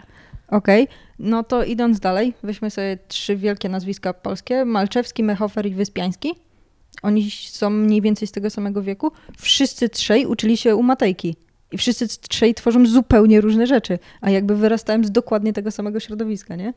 I no, nie wiem, dla mnie to jest tak trochę fascynujące, jak bardzo można iść w zupełnie inną stronę, mimo że tak naprawdę podstawy ma się takie same.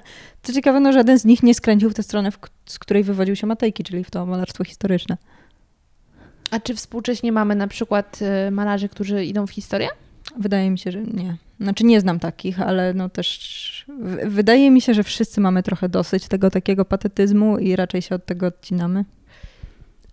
Taką starą historię tak, ale czy na przykład są malarze, którzy malują współczesne wydarzenia w takiej formie bardziej realnej? Bo dobrze, od razu za chwilę wytłumaczysz mi różnicę między sztuką nowoczesną i współczesną, bo z którąś z nich mam na bakier, tylko w takim razie nie wiem, którą, e, że właśnie nie rozumiem żadnej jej twarzy. E, Ale czy, da, czy są ludzie, którzy malują realne, obecne wydarzenia? No bo jesteśmy przyzwyczajeni do dokumentacji jakichś przełomowych wydarzeń typu Solidarność i tak dalej za pomocą Mhm. fotografii. No bo fotografia już jest Mhm. bardzo rozwinięta, taki trochę mm, truizm. Ale czy są ludzie, którzy to malują w sposób realny? Okej. E, Są, ale to nie są dobre rzeczy. To jeszcze ciekawsze. Dlaczego? No, One są brzydkie po prostu. To są takie paskudztwa straszne, takie potworki. Um, jeśli- powołam się na dwa moje absolutnie ukochane nazwiska. Znaczy ukochane to jest duża doza sarkazmu w tym. E, Dźwigaj i Dowigało. Mhm. Dźwigaj jest rzeźbiarzem i słynie z brzydkich pomników papieża. Ale on specjalnie robi tak, żeby były brzydkie? Nie, nie on, on myśli, że jest absolutnie fantastycznym artystą. Nie wiem, czy ja mogę mówić, bo on żyje. To właśnie nie wiem. Ale jeśli to jest ogólnie przyjęta opinia, no to możesz. To znaczy, no z tego co wiem, to raczej tak, raczej nie ma nim wielkich zachwytów. Na, naprawdę wygoogluj sobie, nie wiem, czy kojarzysz papieża z ptakiem albo papieża ślimaka. Nie? Nie, żeby to absolutnie nie zabrzmiało prześmiewcze, ja nie drwię w tym momencie z papieża, nie, ale to są takie, takie potworki.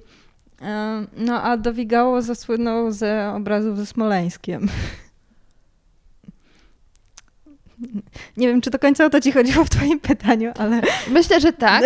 I już rozumiem, dlaczego mówi, że to nie wychodzi. Nie. To są. I być może kojarzysz, bo ten obraz był przez pewien moment takim wiralem dosyć mocnym w internecie. E, Takie głowy Kaczyńskich z chmurkami, takie osoby wpadające do. Ko- kojarzysz to to? było na serio? Tak, O, to jest totalnie na serio. Znaczy przynajmniej on twierdzi, że to jest na serio. Być może kpi z nas wszystkich i tak naprawdę on też tam ciśnie z tego beka, nie? Ale no, mówi, że to jest na serio. Okej. Dobrze, czyli rozumiem, że jak gdyby e, dokumentowanie obecnych wydarzeń za pomocą e, obrazów malarskich średnio wychodzi, Mhm. więc ludzie biorą się za inne rzeczy. To znaczy, nie, nie wiem na ile to jest ich świadoma decyzja, że okej, malarstwo historyczne w tej epoce nam nie wychodzi, więc je olewam i będę wystawiał na wystawiach miotłę, a na, na ile po prostu... To jest mój właśnie ból. Miotły.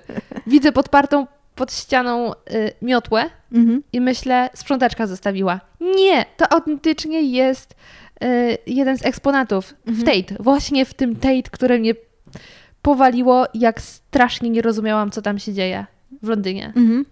No to jest e, I to częsty jest ból. sztuka ta nowoczesna czy współczesna? Współczesne. A jaka jest różnica? No, chodzi o ramy czasowe. Mhm. Sztuka nowoczesna jest mniej więcej od lat 60., 70. XIX wieku do II wojny światowej mniej więcej. Oczywiście te ramy są płynne i znajdziemy opinię, że do lat 70., ale mniej więcej przyjmuje się drugą wojnę światową za ten punkt graniczny. Współczesna jest od II wojny do teraz. Jak będzie się nazywa kolejna epoka, skoro współczesna będzie Znaczy, minioną? ja stawiam, że tamta kolejna będzie współczesną, a na obecną współczesną znajdziemy inną nazwę. Znaczy, taka jest moja opinia, ale nie mam że to, na to żadnych badań, że tak będzie, nie? Dobrze, no to teraz, moja droga, powiedz mi, o co chodzi z tą sztuką współczesną? Bo ja odnoszę bardzo często wrażenie, że to jest po prostu sztuka dla sztuki. Że tak jak w tych starych dziełach Mhm. malarskich, bo rozmawiamy głównie o malarstwie, Mhm. można dopatrywać się e, estetyki, Mhm. o której też y, już zahaczyłyśmy, wrócimy do niej. Tak w tych współczesnych Ja dopatruję się tylko psychodelików. Bo one często są obecne. To jest dobra odpowiedź, dziękuję. czy ty rozumiesz sztukę współczesną? Czy ona do ciebie faktycznie przemawia i stwierdzasz, fajnie się nad tym pochylić? Y, Ona mnie bardzo mocno interesuje. Zastanawiam się właśnie, w którym momencie jest granica tej sztuki. Jakby mm, na ile artysta mówiący, że to jest dzieło, ma rację, że to jest dzieło. Czy naprawdę dziełem może być wszystko? I, i tak sobie teoretyzuje. Świetne pytanie. Kiedy sztuka staje się dziełem sztuki, a kiedy jest tylko sztuką?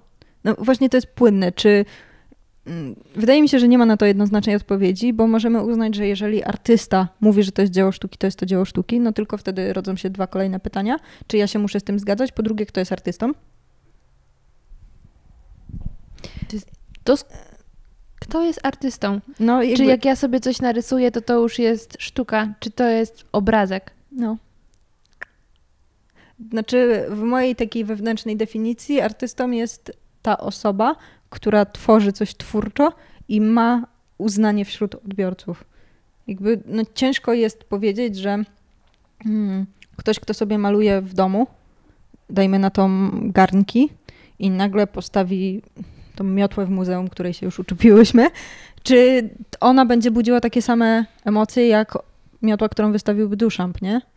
Jakby tutaj chodzi o renomę, a renomę zdobywa się latami i no, wydaje mi się, że to jest wszystko takie bardzo mocno płynne i artyści, którzy teraz tworzą, wydaje mi się, że tak naprawdę tak najbardziej znani i docenieni będą za kilkanaście, kilkadziesiąt lat, a my teraz w większości mówimy o artystach z ubiegłego wieku.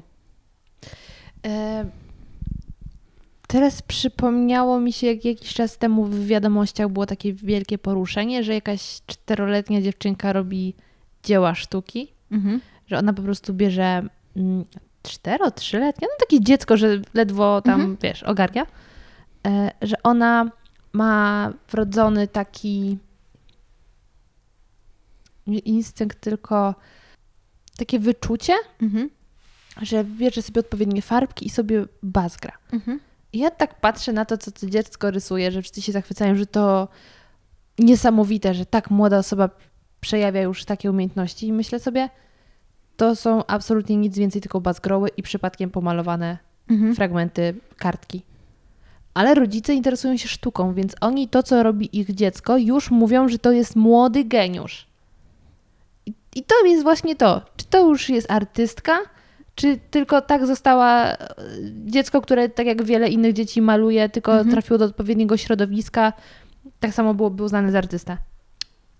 Trudno mi na to odpowiedzieć. Wydaje mi się, że y, przynajmniej według takiej mojej wewnętrznej skali, artysta powinien być świadomy tego, co robi, więc gdy mówimy o kilkuletnim dziecku, raczej trudno mówić, że ono jest świadome tego, co tworzy. No a oprócz tego nie zapominajmy, że większość artystów, których kojarzymy z właśnie z takimi absurdalnymi rzeczami typu miotły, jakieś malarstwo totalnie abstrakcyjne i tak dalej, oni mają techniczne wykształcenie. Oni wszyscy potrafią malować akademicko, tylko świadomie z tego rezygnują. Więc wydaje mi się, że raczej trudno mówić o czymś takim w przypadku dziecka. Więc no, ja bym się nie zachwycała nią i jej twórczością, ale jednocześnie nie odbierała i tego i monitorowała, bo wydaje mi się, że to może pójść w dobrą stronę, no chociaż no, mówimy o kilkulatce, więc trudno jakkolwiek tutaj wyrok- wyrokować, czy ona za 10 lat nie powie, że ona ma dosyć tego i ona nie chce mieć nic wspólnego z malarstwem, nie? Zafascynowało mnie y, to takie, kiedy artysta jest artystą. Bo to faktycznie są takie pytania, na które trochę nie ma odpowiedzi. Na tej Mhm. samej zasadzie, czy jeśli. em, to jest chyba jakaś taka bardzo filozoficzna rozkmina. Czy jeśli w lesie przewróci się drzewo i nikogo tam nie ma, to czy ono wydało dźwięk, czy nie, bo nikt tego nie usłyszał. No.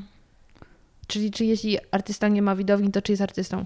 No może być artystą. Teoretycznie no, Van Gogh w czasach, w których żył, nie miał widowni. A jednak No ale nie... w końcu ma. No tak, no tylko trochę czasu to zajęło. Więc czy w czasach, w których on żył, moglibyśmy go uznać za artystę? No aha, właśnie. Mhm. Wydaje mi się, że no nie ma na to odpowiedzi że to wszystko jest płynne jakieś takie graniczne bardzo i w dużej mierze zależne też od nas jako odbiorców w ogóle szeroko rozumianych i naszej wrażliwości całej, bo no jakąś wrażliwość trzeba mieć na sztukę, ale z drugiej strony mm, na podstawie jakich kryteriów my decydujemy, co jest sztuką, co nią nie jest i w którym momencie jakby uznamy artystę. Mhm. No, wydaje mi się, że to wszystko jest jakieś takie płynne, bo oczywiście możemy się opierać na zdaniu osób, które się na tym znają, tylko wydaje mi się, że jakbym e, zapytała kogokolwiek z mojego towarzystwa, czy zna jakichś współczesnych krytyków sztuki, to nikt by mi nikogo nie wymienił, bo oni nie są znani, więc w jaki sposób opierać się na ich opiniach, gdzie nawet nie wiemy, gdzie ich szukać. Mm, no a po drugie, właśnie ta nasza wrażliwość. Jakby w którym momencie, jak wejdziemy do galerii sztuki współczesnej i zobaczymy, to na jakiej podstawie my oceniamy, że to jest dzieło, to nie jest dzieło. Czy ta miota zostawiona przez panią sprzątaczkę już będzie tym dziełem, czy nie? Tak, Mhm. bo możemy to rozpatrywać, czy to wywołuje we mnie jakieś emocje. No tylko skoro ty tego nie łapiesz i wywołuje to raczej negatywne, dlaczego to jest sztuka, to jakby spełnia warunek, nie? No, wy- wywołało emocję. Negatywną, ale wywołało. A z drugiej strony, czy kierujemy się tylko względami estetycznymi, czy to jest ładne, czy nie? Tylko to też jest takie bardzo subiektywne. Bo- sztuka też nie musi być ładna. Dokładnie. A Mhm. poza tym ładne znaczy dla każdego z nas coś zupełnie innego. Może to jest tak, że żeby coś było sztuką, żeby tą miotłę jedną odróżnić od drugiej, to że jedna musi mieć kontekst, a druga nie. Tak, tylko w którym momencie ten kontekst jest dla nas racjonalny i akceptowalny, a w którym momencie mówimy, że artysta przegiął i że coś na pewno tutaj grubo brał, bo przecież no, nikt normalny nie uznałby miotły za sztukę.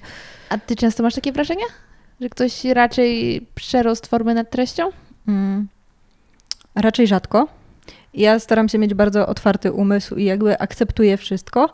Bardzo często mówię, mnie to nie rusza, albo dla mnie to jest przegięcie, ale nie kwestionuję tego, że to nie jest sztuka, bo wiem, że dla kogoś to może być i jestem z tym zupełnie okej. Mhm. Em, jako historyk sztuki doskonale wiesz, że poszczególne epoki mają jakiś swój wspólny mianownik, Mhm. co się łączy, a jeśli to już bardzo skręca w inną stronę, to zaczyna się ta nowa epoka Mhm. sztuki. Co byłoby obecnie takim wspólnym mianownikiem tego, co powstaje? Wydaje mi się, że technologia, że to bardzo mocno idzie w cyfrową stronę, Mhm. że korzystanie z jakichś takich wszelkich właśnie, e, że nawet jeżeli ktoś tworzy takie tradycyjne malarstwo, to inspiracji szuka w internecie, często dokłada do tego grafiki komputerowe i tak dalej, że z jednej strony to, a z drugiej strony wszystkie kwestie społeczne, środowiskowe, ekologiczne, ekonomiczne i tak dalej, które nas otaczają, że z jednej strony albo młodzi artyści poruszają te dzieła i zwracają na nie problem, albo właśnie szukają od nich jakiejś odskoczni. Więc A powiedz mi, dwórnik, mhm. to on bardziej był sztuką współczesną? tak. Bo to jest. Ja pamiętam, że jego obraz po raz pierwszy zobaczyłam w podręczniku do języka polskiego, chyba w drugiej gimnazjum. Mhm. I od tego momentu się zakochałam. To pierwszy raz zobaczyłam obraz, który mnie autentycznie poruszył i stwierdziłam, piękne, chciałabym w mieszkaniu. Mhm. Więc jak on niedawno zmarł, Tak, chyba ze dwa lata temu, tak mi się coś kojarzy. Może z rok? rok, to autentycznie mnie to poruszyło, bo było mi szkoda. Mhm. E, I to dało mi taką trochę wiarę w to, że może nie jest ze mną tak źle, że jest dla mnie jakaś nadzieja, że są jakieś nurty, które mi się spodobają. I zastanawiam się, czy wielu artystów tworzy coś podobnego, właśnie takie nieodrealnione, no bo on jednak pokazywał takie Miasta, no. miasta w taki ciekawy sposób, nie? Mhm. Ale to nie było jakieś tam bazgroły, że teraz się domyśl, co ta kreska oznacza. Mhm. No jest mnóstwo artystów, którzy tworzą takie rzeczy. Ja też nie jestem w stanie znać wszystkich, myślę, że nikt nie zna, ale jeśli zostajemy w polskiej tematyce, to niedawno zmarł Ryszard, Ryszard Kaja, który ma całą serię plakatów, co prawda, bo on był pla- plakacistą. Polska plakatem stoi w ogóle. Tak, dosyć mocno, nie? Ale właśnie Ryszard Kaja są bardzo charakterystyczne. Na pewno je znasz, tylko być może nie kojarzysz, że to jest on.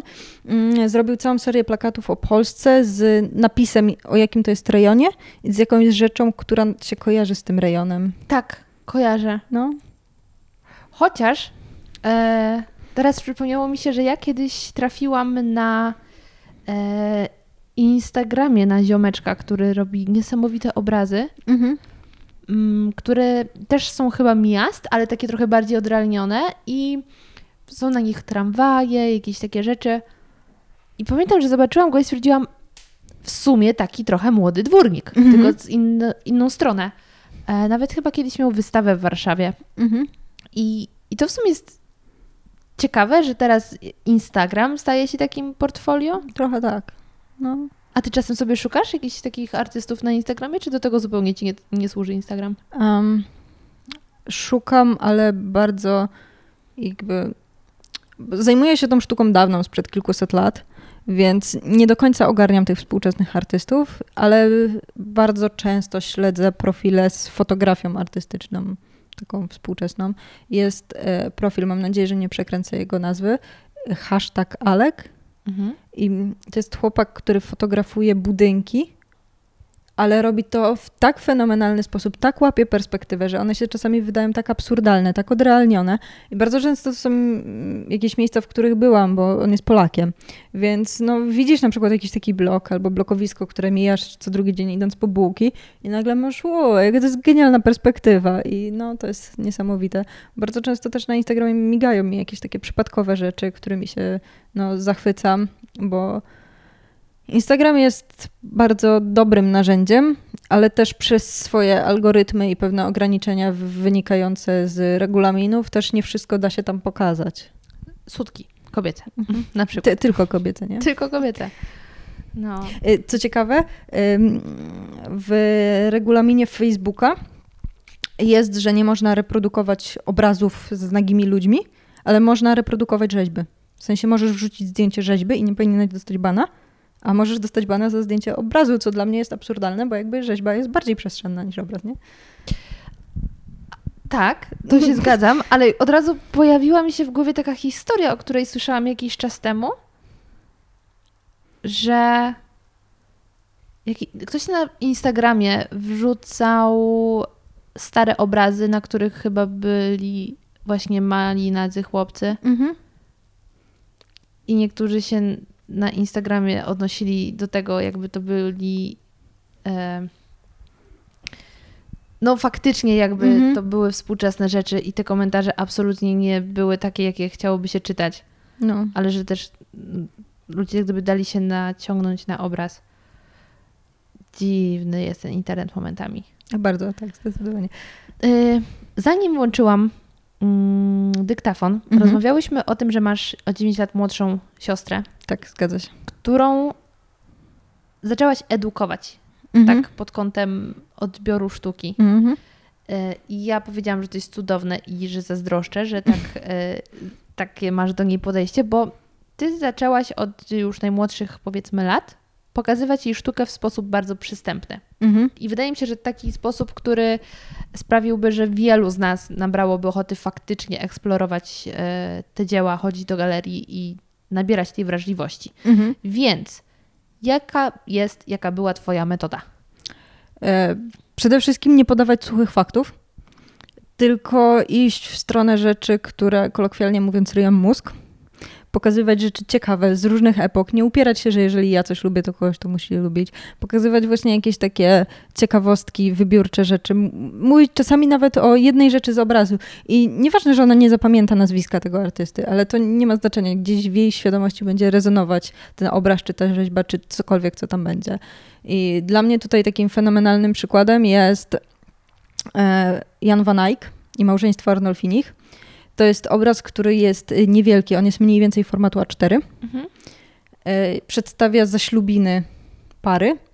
W, w, para znajduje się w pokoju i za tą parą na ścianie jest lusterko. I lusterko jest wypukłe i w tym lusterku odbijają się plecy tych państwa, ale odbijają się też świadkowie tych zaślubin. Mhm. No tylko jak sobie przeskalujemy, to to lusterko ma gdzieś tak 2 centymetry, nie? I jak je zbliżymy, to tam widać super detale. Więc y, krąży legenda, że Van Eyck malował to pędzlem zrobionym z jednego włosa. W sensie nie, nie wiem na ile to jest legitna historia, ale no czytałam o tym, że po prostu, żeby być w stanie domalować te detale, on to robił pod lupą właśnie takim drobniutkim pędzelkiem. I no... Mózg rozwalony. Mózg rozwalony. Pamiętasz jak się nazywał? No nie, nie, nie. nie. Nieważne, ale będziesz pamiętać, że namalował to jednym włosem, nie? Pod tak. lupą. Nie myślałaś o tym, żeby zacząć takie lekcje prowadzić? E, prowadzę. Naprawdę? No, mam kanał na YouTubie, oprócz tego edukuję personalnie osoby w ramach korepetycji. A to nie wiedziałam o tym, że personalnie. No, można się zapisać na lekcję. Znaczy to się skupia głównie na przygotowaniu do olimpiady artystycznej bądź matury, nie? Ale jakby ktoś chciał wyjść do muzeum i do mnie napisał, to powiem spoko, chodźmy. Przyjeżdżam do Krakowa. zabierz mnie do wszystkich galerii. Zapraszam. Ale właśnie ty y, ze swoją siostrą skupiałaś się na takich y, małych rzeczach, do których mogła ona by. które mogłyby przy, przykuć jej uwagę. Mhm. I teraz. y, Ile musiałaś podejmować takich wyjść do galerii, trochę ją przekonywać, żeby później ona sama już chciała chodzić? Um, ja jej nie przekonywałam. To było tak, że jak jeszcze jeździłam na rodzinne wakacje, to po prostu ja szłam do muzeum i mówiłam, młoda, idziesz ze mną, bo ty masz darmowy bilet. To chodź, może kiedyś już nie wejdziesz, nie? I tam starałam się wykręcić to, co może ją zainteresować, a najczęściej opowiadałam jej po prostu w domu. Ucząc się, mówiłam, ej, wiesz, czego się dowiedziałam? I mówiłam, chodź, pokażę ci na komputerze. I nawet reprodukcja taka cyfrowa, którą większość osób by pewnie krytykowało, że tak się nie da opowiadać o sztuce, no to jakby robię, co mogę. Czadowo. Ja jestem właśnie osobą, do której się trafi totalnie poprzez fanfakty i ciekawostki. Mhm.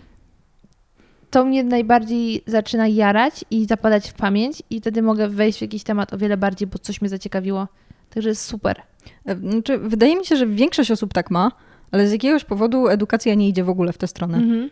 I jakby trochę tego nie rozumiem, bo to jest to, co ci powiedziałam, zanim zaczęłyśmy nagrywać, że e, sztuka do niedawna była bardzo mocno elitarna i w momencie, gdy próbujemy przestać ją robić elitarną, tylko taką bliżej, nazwijmy to normalnym ludziom, to spotyka się to z jakimś ostracyzmem, ale z drugiej strony też ci ludzie często nie chcą o tym słuchać, bo mówią, e, ja się nie znam na sztuce, co ja tam wiem, szkoda czasu, nie pójdę do muzeum i tak dalej.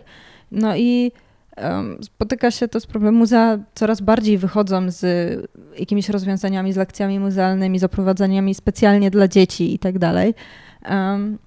Także myślę, że powoli to się zmienia i powoli będziemy szli w tę dobrą stronę, tak to nazwijmy, ale no na razie jeszcze jest z tym dosyć ciężko.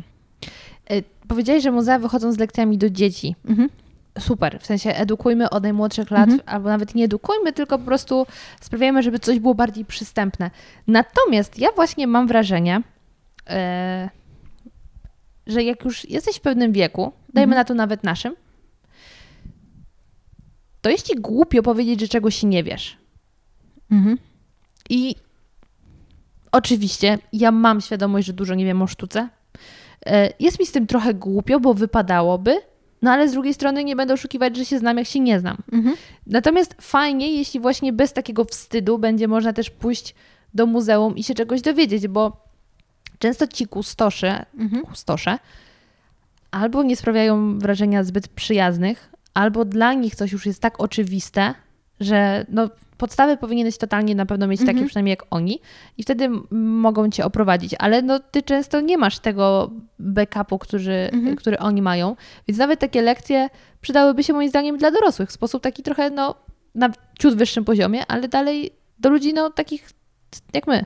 No, znaczy totalnie się z tobą zgadzam i widać, że to stopniowo się dzieje. Oprowadzenia z kuratorami, yy, którzy tworzyli wystawy, bardzo często mają właśnie jakąś taką wartość, chociaż oni często mówią o całej koncepcji wystawy, a nie o jakichś poszczególnych dziełach. Ale jest yy, świetna inicjatywa Dzień Wolnej Sztuki. Ona jest chyba jakoś na wiosnę i polega na tym, że duża ilość muzeów w Polsce organizuje event polegający na oglądaniu jednego dzieła z ich zbiorów. Mhm. Wtedy idziesz, siadacie wszyscy przed jednym dziełem, jest wyznaczona, wyznaczony pracownik i on o tym jednym opowiada, co no, jest fascynujące, bo jeżeli idziemy do Wielkiego Muzeum, to nie da się wiedzieć wszystkiego o wszystkim.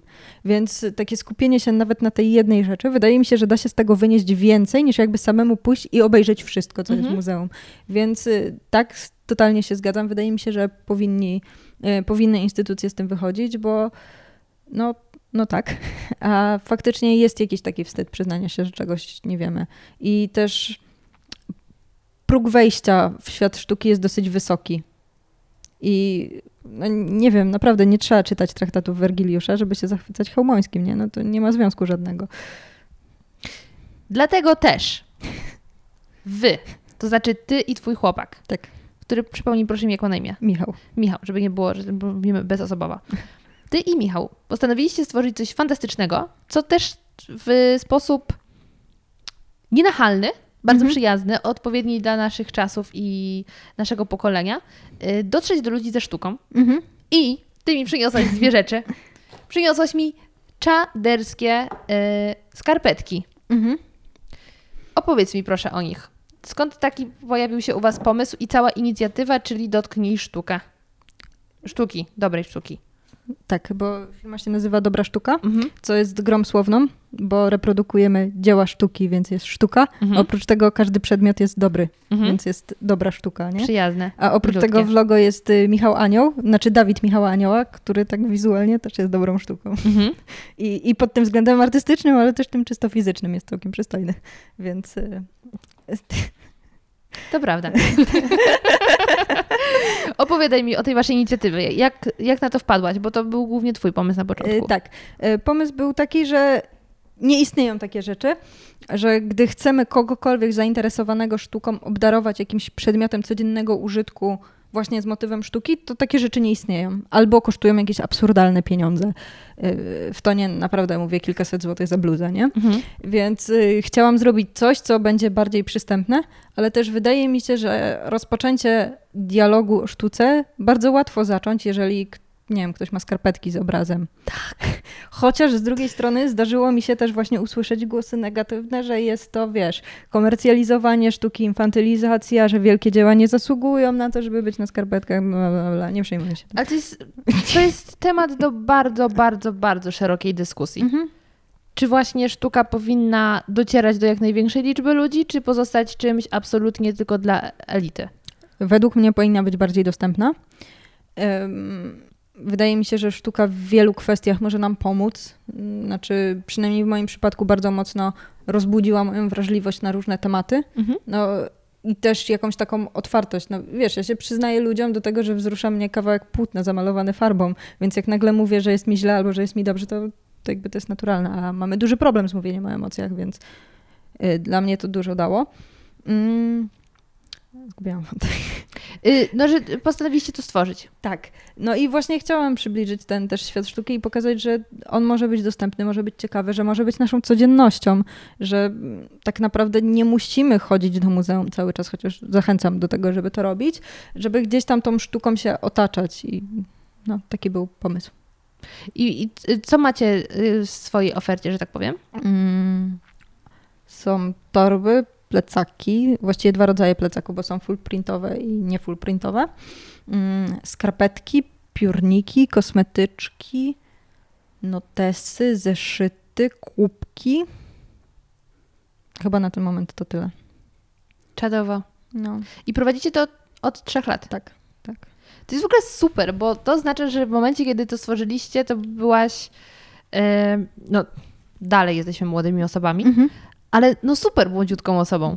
No, I że udało Wam się to wszystko ogarnąć, zgrać i doprowadzić do tego, że to dalej trwa, bo prowadzić firmę przez trzy lata to nie jest taka banalna rzecz. no nie. Całe szczęście istnieją inkubatory przedsiębiorczości, które bardzo mocno pomagają.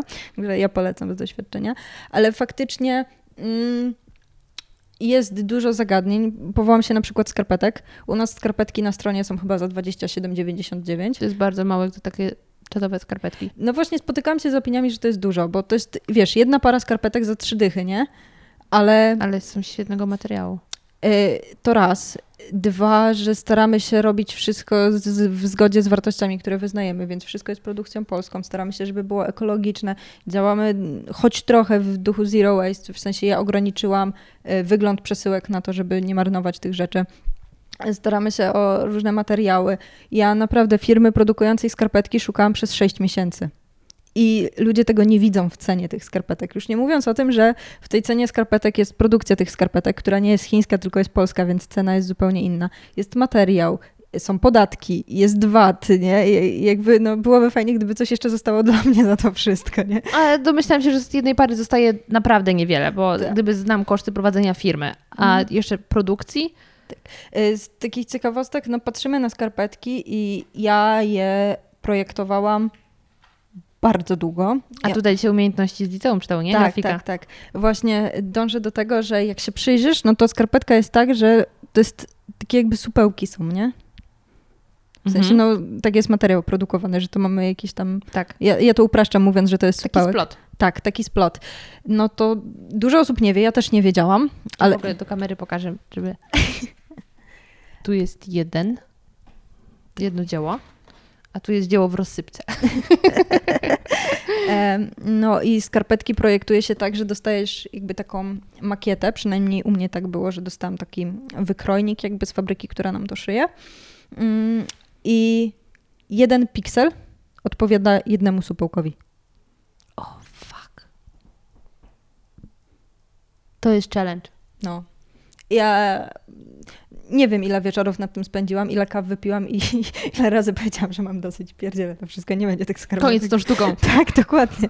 Bo po prostu były takie momenty, gdzie mówię, nie, nie dam rady, po prostu nie, już nie dam rady więcej tych supłełków zamalować, ale... A które dzieła przenieśliście jeszcze na skarpetki? Um, jest jeszcze Syn Człowieczy Magrita. Mhm. to, to jest ten taki człowiek z jabłkiem na twarzy. To może- Okej. E, Jest szkic Egona Szilego, Rudowłosa dziewczyna. To są takie najbardziej neutralne skarpetki, jakie mamy. One są beżowe, ta dziewczyna jest taka szkicowa, taka delikatna, więc jakby to. I jeszcze jest e, zielony skrzypek Marka Szagala. A coś polskiego myśleliście, żeby przenieść? E, Tak, E, ale powiem szczerze, to jest takie moje trochę marzenie gdzieś odleglejsze, żeby być może kiedyś gdzieś wejść w współpracę z jakimś muzeum i wtedy mm, jakby we współpracy z nimi na podstawie ich dzieł. No tylko to jest jeszcze plan na, na, na kiedyś. Ale czadowe. Mega, mega y, wspieram. Jestem absolutnie dumna, że coś takiego zrobiliście. Y, pomijając, że to jest świetny sposób dotarcia z jakimś ym, wyższą wartością, Mhm. bo ja naprawdę takimi skarpetkami totalnie czuję się zainspirowana, żeby zgłębiać temat. Oczywiście skarpetkami i rozmową z tobą. Skarpetki to jest dodatek. Ale też już wiem, że w tym sklepie waszym będę robić zakupy, bo mam znajomych, których to będzie mega jarać. Właśnie odniesienie w taki sposób trochę Andiego Warhola powiedzmy Mhm. do, do sztuki. Czadowe to jest. Super, bardzo się cieszę, że się podoba. I ja jako obecny y, absolutny laik sztuki, mm, nie będę się znowu z tym kryć, wszyscy już to wiemy, będę teraz rok 2020 albo jeszcze jesień 2019 będę y, eksplorować sztukę. Polecam, to jest super zajęcie i mm, wydaje mi się, że taką radą, której pozwolę dać Ci radę, że jakby nie próbować zrozumieć wszystkiego i jarać się wszystkim, bo mamy tak różne poczucie estetyki jako ludzie, że wcale nie trzeba zaczynać od tych najwybitniejszych nazwisk i one wcale mogą do nas nie trafiać, a sztuka jest tak rozległa i powstała przez tyle lat w tylu miejscach, że tak naprawdę może nas ruszyć absolutnie wszystko i no, moim zdaniem to też jest problem, że trudno nam dotrzeć do tych mniej popularnych rzeczy, a jest duża szansa, że to właśnie one by nas najbardziej zainspirowały, nie?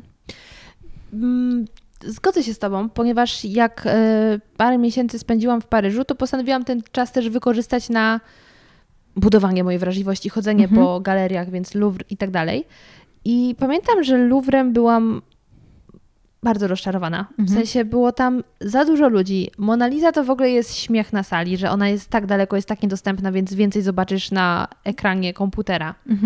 Em, I ogólnie były obrazy, które mi się podobały, ale na cały ten hype, jaki jest na Louvre, to poczułam się tak ciut rozczarowana. Mhm. Ale byłam też w jakimś właśnie Muzeum Sztuki Nowoczesnej Mhm. i tam byłam zachwycona. Tam spędziłam kilka godzin oglądając obrazy, które po prostu mi się podobały. Nie miałam żadnego przewodnika, więc Mhm. bardziej były to odczucia estetyczne niż e, cały kontekst, żeby zrozumieć, co autor miał dokładnie na myśli. Ale faktycznie e, to mniej znane trafiło do mnie bardziej i było kilka obrazów, które jak y, zaczęłam się przypatrywać, to jakoś mnie tak złapało za serce, że no, łezka się wokół zakręciła. Czyli mm, faktycznie trzeba tą swoją niszę znaleźć, albo tematykę, albo w ogóle też formę ekspresji, no bo dla niektórych mogą to być rzeźby, Dokładnie tak. fotografia.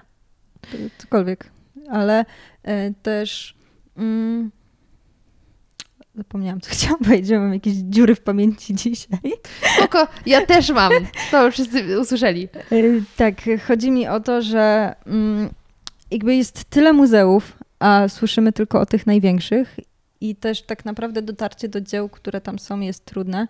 Ja y, rozmawiałam jakiś czas temu z znajomą, y, która mówi, że też w Paryżu była w centrum Pompi- Pompidou.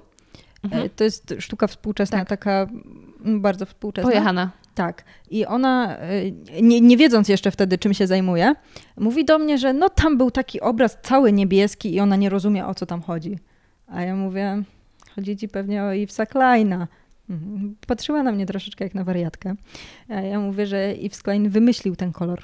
Jakby on tak zmieszał pigmenty, że to jest jego kolor. On go wypatentował. Wyp nie mówię, Opatentował. Opatentował, tak. Że jeżeli dzisiaj mamy na myśli taki chabrowo-fioletowy, to w 99% myślimy o IKB, czyli International Klein Blue, nie? I jakby w tym momencie niebieskie płótno przestaje być niebieskim płótnem. I takie same podejście możemy mieć do absolutnie każdego innego dzieła sztuki. Domyśl, strzelam, że muzeum, o którym mówisz, to jest Muzeum d'Orsay. Tak. E, tak, więc tam absolutnie możemy wejść i pomyśleć, że patrzymy na kwiatki i nagich ludzi, a możemy patrzeć, że to jest absolutnie super i za tym wszystkim stoją jakieś historie nie tylko artystów, ale też mo- modeli, bo modele bardzo często mieli swoje własne historie. No właśnie, bo każdy obraz, każde dzieło sztuki to jest bardzo szeroki kontekst, którego my po prostu nie Mhm. znamy, bo raczej trudno sobie wyobrazić, że artysta pomyślał sobie, a strzelę sobie dzisiaj obrazik i sobie coś Mhm. rysuję. To musi być e, nawiązanie do czegoś. Tak, Tak. jak nawet nasze sny, one nawiązują Mhm. do czegoś. Tak komuś mogą być porąbane, ale symbolika snów bywa czasem gruba. Mhm. I no, znaczy zdarzało się, wydaje mi się, że mogło się tak zdarzyć, że artysta pomyślał, że sobie coś tam strzeli i tylko wtedy najczęściej robił szkic, a nie jakieś trzymetrowe płótna. Co Mhm. prawda to się dzie- y, mm, zmienia się w trakcie, jak impresjoniści dochodzą do głosu, bo im zależało na uchwycie ch- chwili i momentu i tak dalej, więc y, to częściej było mniej przemyślane, ale jednocześnie nie brakuje tam dzieł o głębszych warstwach. I no nawet jeżeli mówimy o, nie wiem, kwiatach moneta chociażby i one widzą... O, on też jest znany. No, właśnie. Brawo. Dobijemy do tych 10 jeszcze. Myślę, że już jest. Do, do, do 15 lećmy. No i dla niektórych to mogą być tylko kwiaty, które no albo są ładne, albo nie. A możemy to rozważać właśnie na tej warstwie intelektualnej, że jak on uchwycił światło, jak ten sam motyw malował w różnych porach dnia, różnych porach roku i różnymi farbami i tak dalej, więc no tak naprawdę interpretacja tego samego dzieła, jeżeli pójdziemy w 10 osób, to każda z nas może zobaczyć na nim zupełnie różne rzeczy. I to jest chyba no, niesamowite. A czy są jakieś takie miejsca w Polsce, galerii sztuki, które byś polecała, żeby odwiedzić, bo na przykład nie są tak bardzo oczywiste? E, Jestem ogromną fanką Mocaku w Krakowie. E, Bardzo do... Zawierzysz mnie? Oczywiście. Cudownie. E, To jest Muzeum Sztuki Współczesnej, więc czasami jest odklejone. Jest Muzeum Beksińskiego w Sanoku. No jest chyba dosyć znane w ostatnim czasie. Ja w Warszawie jestem ogromną fanką Narodowego, bo uważam, że to jest no naprawdę Ale stałych wystaw? tak, tak. E, To znaczy Dużo Matki Boskiej jest. taka jest sztuka, nie? No, szczególnie w Polsce. Pozwolę sobie wtrątkę polityczną, ale od kiedy zmienił się dyrektor muzeum, nie jestem fanką czasówek, które się tam odbywają. Głównie dlatego, że ponieważ nie mieszkam w Warszawie, zazwyczaj nie wyrabiam się po prostu, żeby w ciągu miesiąca na nie dojechać. Mhm. Jak wystawa trwa pół roku, to była większa szansa, że któryś weekend mi spasuje. Ja z czasówek byłam niedawno. Dobra, to może były trzy miesiące temu, to dla mnie Mhm. jest dalej niedawno. I były całkiem niezłe, Mhm. tyle, że było ich strasznie mało. W sensie malutka jest ta sala, gdzie jest wystawa Mhm. czasowa. No. No a stała już, mm, widziałam ją kilka razy i średnio do mnie trafia. Znaczy, no, z czasówki najczęściej em, albo musi nas temat interesować, albo muszą ściągnąć naprawdę jakieś super dzieła i dlatego tam idziemy. Jak była Boznańska chyba 4 lata temu, to wiem, że kolejki się ustawiały, żeby zobaczyć Boznańską, no bo to jest takie dosyć wyhypowane nazwisko, nie? E, ale no, no jest mała ta sala czasowa. No, trzeba też brać pod uwagę to, że mówimy o polskim muzeum, gdzie zarówno środki, jak i ekspozycje własne są ograniczone. Zazwyczaj czasówki się organizuje tak, że jest wybierane jakieś dzieło z danego muzeum i, pod niego jest tworzona jakaś koncepcja całej wystawy i ściąga się jakieś dzieła, albo na zasadach wymiany muzea dostają propozycję współpracy z innym muzeum i układają całą wystawę pod, bo to inne dzieło. Trzeba też pamiętać o tym, że muzea mają ogromne zbiory w magazynach, więc połowy więcej niż połowy nawet nie widzimy i pewnie nie będziemy mieli możliwości zobaczyć. No ale za tym musi iść jakaś myśl, to musi być na to jakiś pomysł, a nie po prostu, że robimy wystawy z dziesięcioma talerzami Picasso, bo tyle mamy w zbiorach, nie? A czy muzea za to, że jakieś dzieła przyjadą z innych muzeów, płacą? To zależy od tego, jak się dogadają. Bo czasami to jest tak, że oni nam wypożyczają jedno, my im drugie. Czasami jest, że trzeba to wykupić, czasami jest w ramach współpracy, jakieś wystawy objazdowe, więc to jest naprawdę płynna forma. Zresztą też trudno mi powiedzieć, myślę, że tu ktoś z administracji muzeum musiałby się wy, wypowiedzieć, jak to dokładnie wygląda, ale no, no nie wierzę, że oddaliby to za darmo. A jakie są największe dzieła sztuki, które Polska ma w swojej kolekcji? Różne muzea. Mhm. Wydaje mi się, że za największe tak ogólnie uważane są e, Dama z gronostajem, z łasiczką, którąkolwiek wersję wolimy. Lubię ten obraz. Jest... Jest słodki. Tak, jest... y, No to jest Da Vinci. No, no, o Da Vinci ciężko mówić, że się go nie lubi, No tak, chociaż no właśnie widzisz, no Mona Lisa jest nudna. bo nie masz do niej dojścia. I Ale nawet jak widzę ją w komputerze, to widzę babkę, która się uśmiecha albo nie. no, Kwestia interpretacji. A no tu jest gronostaj, no jest zwierzaczek. Czy to jest po prostu piękne? Dobrze, czyli idąc dalej, żeby cię zainteresować sztuką, trzeba dać zwierzę. No, No, to powiem ci, jest... nie mam dużych wymagań. No dobra, ale jaka w takim razie jest historia za Monalizą, że ona może jednak być ciekawa? Okej, kwestie techniczne. Mhm. Ale te same moim zdaniem rzeczy techniczne widać w Gronostaju. Bo podobne są. No tak, no bo to jest jednak Leonardo, nie? Tak. Ale no tutaj cała też historia, że nie do końca wiemy, kim była modelka, dlaczego ten obraz powstał. Część się dopatruje w tym autoportretu Leonarda, y, te wszystkie kwestie mm, związane z jego studiami nad cieniami, mm, czy te techniczne, nie? Nad tym uśmiechem, nad tym, ile on czasu na to wszystko poświęcił. Jakby no jest dużo różnych zagadnień, które nam wpływają na to. A oprócz tego cała biografia Leonarda, która dla wielu no je- jest przeciekawa tak naprawdę. I wydaje mi się, że spośród biografii artystów biografia Leonarda jest dosyć znana, wydaje mi się. Czyli jak gdyby Mona Lisa ten swój hype mm, przejęła również za sprawą samego artysty. Mhm. Czyli u, widząc Mona Lisa ludzie od razu myślą o nim i jego Mhm. historii i to sprawia, że to jest takie bardziej tajemnicze. Tak mi się wydaje. Okej. No dobra, no to mamy damy z gronostajem i ona Mhm. jest? E, w Krakowie? Tak właśnie myślałam, że w Narodowym nie widziałam. Nie, ale wydaje mi się, że. Bo ona jest z kolekcji czartoryskich i wydaje mi się, że już teraz Muzeum Czartoryskich jest otwarte, ale nie chce siać jakiegoś. A czy to fermentu. nie jest ta afera, co oni sprzedali No to? właśnie, szczerze mówiąc, ja trochę unikam tej afery i ja nie jestem pewna, czy ona jeszcze wisi w Narodowym w Krakowie, czy jest znowu na Wawelu, czy już jest u Czartoryskich.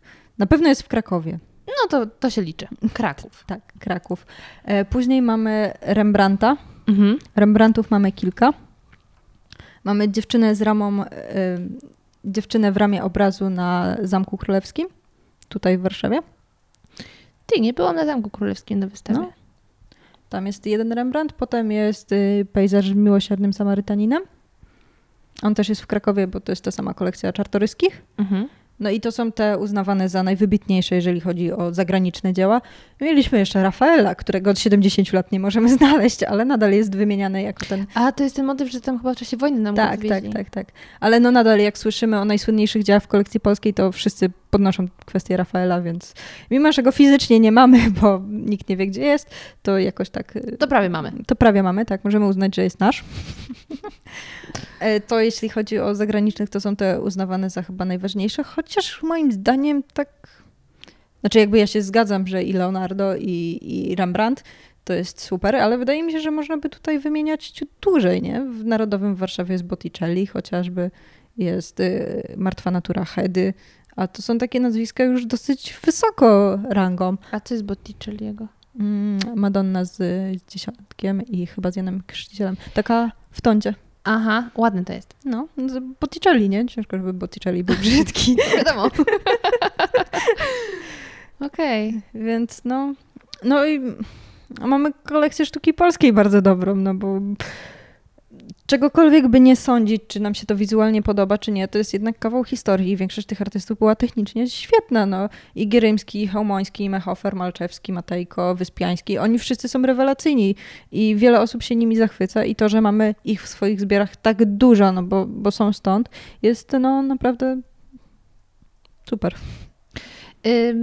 Z tymi wszystkimi polskimi, których teraz wymieniłaś, ja myślę, że jest trochę tak jak e, z muzyką klasyczną, Mhm. że my słyszeliśmy mnóstwo utworów, chociaż nie ma co ukrywać wiele za sprawą reklam, które często Mhm. korzystają z klasycznych utworów, ale jak ktoś nas zapyta o autora i tytuł, to jest takie Mhm. no nie wiem, gdzieś słyszałem, ale nie mam pojęcia. I tu myślę, że tak samo jest z tymi artystami, że my kojarzymy te obrazy, Mhm. że one są w naszej świadomości, ale nie potrafimy ich nazwać. Tak, tak, dokładnie tak jest, tak mi się wydaje. Chociaż wydaje mi się, że nadal jest ich za mało w naszej świadomości i właśnie to jest te czołowe pięć nazwisk, które teraz wymieniłam, a naprawdę artystów było dużo więcej. Mm, Jakiś czas temu była świetna reklama piwa, wydaje mi się, że Grolsza albo Carlsberga, nie pamiętam. Mhm. I oni robili. wszystkie ich hasła reklamowe były umieszczone na dawnych. Na obrazach po prostu dawnych mistrzów. Więc nagle wiszał wiesz, gdzieś plakat piwa, jak ludzie z obrazu trzymają butelki. I po prostu jakby wpasują, wpasowują się w scenę. Nie widziałam tego, No. ale chętnie poszukam. No. Natomiast, czy tutaj znowu się nie podniosły głosy, że to jest zbezczeszczenie sztuki? Oczywiście, że się podniosły. Ale jakby nie wydaje mi się, żeby ten browar się tym przejął. No, kontrowersja zresztą dobrze też się sprzedaje. Dokładnie. A poza tym, no, mówili o tym piwie. Ja nie wiem, ile lat temu była ta kampania. 4-5? I, A, i, i, okej. I ja dzisiaj o tym mówię, więc jakby zostało to gdzieś w świadomości. Pamiętam, że były oklejone tym przystanki, więc Spoko. no, A czy jest, słuchaj, ten tryptyk w Gdańsku? memlinga. To jest też fajne. O, to też jest wymieniane chyba dosyć wysoko, jeżeli mówimy o polskie, to co mamy w Polsce. No bo to jest wielkie i jest stare. Wydaje mi się, że w takiej powszechnej świadomości nie trzeba więcej. Ale pamiętam, że jak zobaczyłam to pierwszy raz na żywo, to faktycznie zrobiło na mnie duże wrażenie i długo stałam i patrzyłam. Mhm. I to jest niesamowite, że niezależnie od tego, ile razy go zobaczymy, tam ciągle możemy widzieć coś nowego, bo tam Tak. po prostu tyle się dzieje, że na raz nie jesteśmy w stanie ogarnąć tego wzrokiem. Mhm. Będę teraz jeździła po dużych miastach i odwiedzała galerię. Naprawdę zachęciłaś mnie, tak zupełnie szczerze. Bardzo się cieszę. To jest no naprawdę super. Zachęcam absolutnie wszystkich jeździcie, ale no dobrze zrobić sobie jakiś background przed tym, poczytać trochę, chociaż o paru rzeczach, żeby po prostu nie wejść i nie stanąć na środku i nie pytać samego siebie, co się tu robi, tylko jakąkolwiek wiedzę mieć, bo pozwolę sobie pojechać klasykiem na koniec. Żeby widzieć, trzeba wiedzieć. Albo widzi się rzeczy takimi, jakimi nie są. Mhm. A, No. dodałam od siebie. A powiedz mi, czy ty będziesz jeszcze szła tak mocniej w YouTube'a? Bo ja, ja byłam na twoim kanale i tam tych filmów nie ma tak za dużo. no 60 kilka. Serio? No. Wczoraj chyba 64 wleciał. To czemu mi się pokazało tylko kilka? YouTube. Y, To znaczy, jest szansa, że znowu dostałam jakiegoś bana od YouTube'a za nagich ludzi w filmach, bo dostaję to średnio co film. Okej. Mm, I ja się potem muszę do nich odwoływać, no bo albo mówię o jakimś kontekście erotycznym, bo jest ich mnóstwo w sztuce, albo po prostu mam nagich ludzi na obrazie i YouTube ciągle mi zdejmuje filmy. Więc jest szansa, że znowu mi coś poblokowali, dlatego nie widziałaś. Ale no, pierwszy film pojawił się w kwietniu ubiegłego roku i od tego czasu mniej więcej co tydzień się pojawiałem tam. No wiadomo, z wyjątkami, ale tak dosyć regularnie to jest. Okej. To dzi- dziwne, to aż mnie zamurowało. Muszę sprawdzić. I podlinkuję oczywiście, Zapraszam. żebyś nas edukowała. Czadowo. Słuchaj, mega, mega, mega Ci dziękuję, że mnie odwiedziłaś i autentycznie otworzyłaś mi oczy na sztukę. Cieszę się. Od tego tu jestem. Nie, nie tylko tu. Tak. A może następnym krokiem będzie serce. Także powiedz mi proszę teraz już tak dla wszystkich, gdzie Cię możemy szukać, gdzie znajdziemy super skarpetki i inne rzeczy i czy jeśli ktoś chciałby z Tobą pójść na lekcję muzealną, to gdzie może się odzywać? Y, Więc y, tak, można mnie znaleźć przede wszystkim na YouTubie. Jak sobie wpiszecie Porozmawiajmy o sztuce, to na pewno wyskoczę, chociaż kanał nazywa się ambitnie tak jak ja, czyli Aleksandra Doligalska, więc niezależnie od tego, co wpiszecie, to na pewno wam wyskoczy. Skarpetki i inne rzeczy na www.dobrasztuka.store, nie pl, store. Mhm. E, jestem na Instagramie, ale raczej się tam nie udzielam na moim prywatnym. E, można mnie znaleźć na Instagramie firmowym. Bardzo sprawnie staram się odpisywać na wiadomości mm, prywatne właśnie. I, i co? A pod, y, w opisie pod każdym filmem jest mail do mnie, pod który można pisać. Y, Zazwyczaj wykorzystuję go do pisania o korepetycji, ale jak napiszecie, że chcecie iść do muzeum, to no nie oleję was. Czadowo. To ja już wysłałam maila. Zapraszam. Ty możesz wiadomość prywatną. O, dziękuję. Naprawdę bardzo, bardzo, bardzo Ci dziękuję i no będziemy się widzieć. Trzymam za słowo. I jak wrażenia? Mam nadzieję, że podobał się Wam dzisiejszy odcinek, że była to dla Was spora dawka informacji i zachęta do tego, że jeśli dotychczas ze sztuką było Wam nie po drodze, tak jak trochę w moim przypadku, to od teraz będziecie mm, ją bardziej eksplorować i po prostu dacie jej drugą szansę. Tak jak wspominałam na początku, razem z Olą przygotowałyśmy dla Was małą niespodziankę. Wpisując hasło podcast radioaktywny w sklepie Dobra Sztuka Store, otrzymacie zniżkę na zakup artystycznych skarpetek, piórników i innych fajnych gadżetów. Jeśli podobał Wam się ten odcinek, a także wcześniejsze odcinki podcastu radioaktywnego, to będzie mi bardzo miło, jeśli powiecie o nim swoim znajomym. Niech oni również poznają wspaniały świat podcastów, a także polubią poniedziałki. Jeśli chcielibyście pozostać ze mną w kontakcie, to jestem na Facebooku Podcast Radioaktywny, a także na Instagramie zmaczne.go. No i oczywiście, jeśli chcielibyście wesprzeć to, co robię, to serdecznie zapraszam Was na patronite'a patronite.pl ukośnik zmacznego. Bardzo Wam dziękuję i do usłyszenia już niedługo.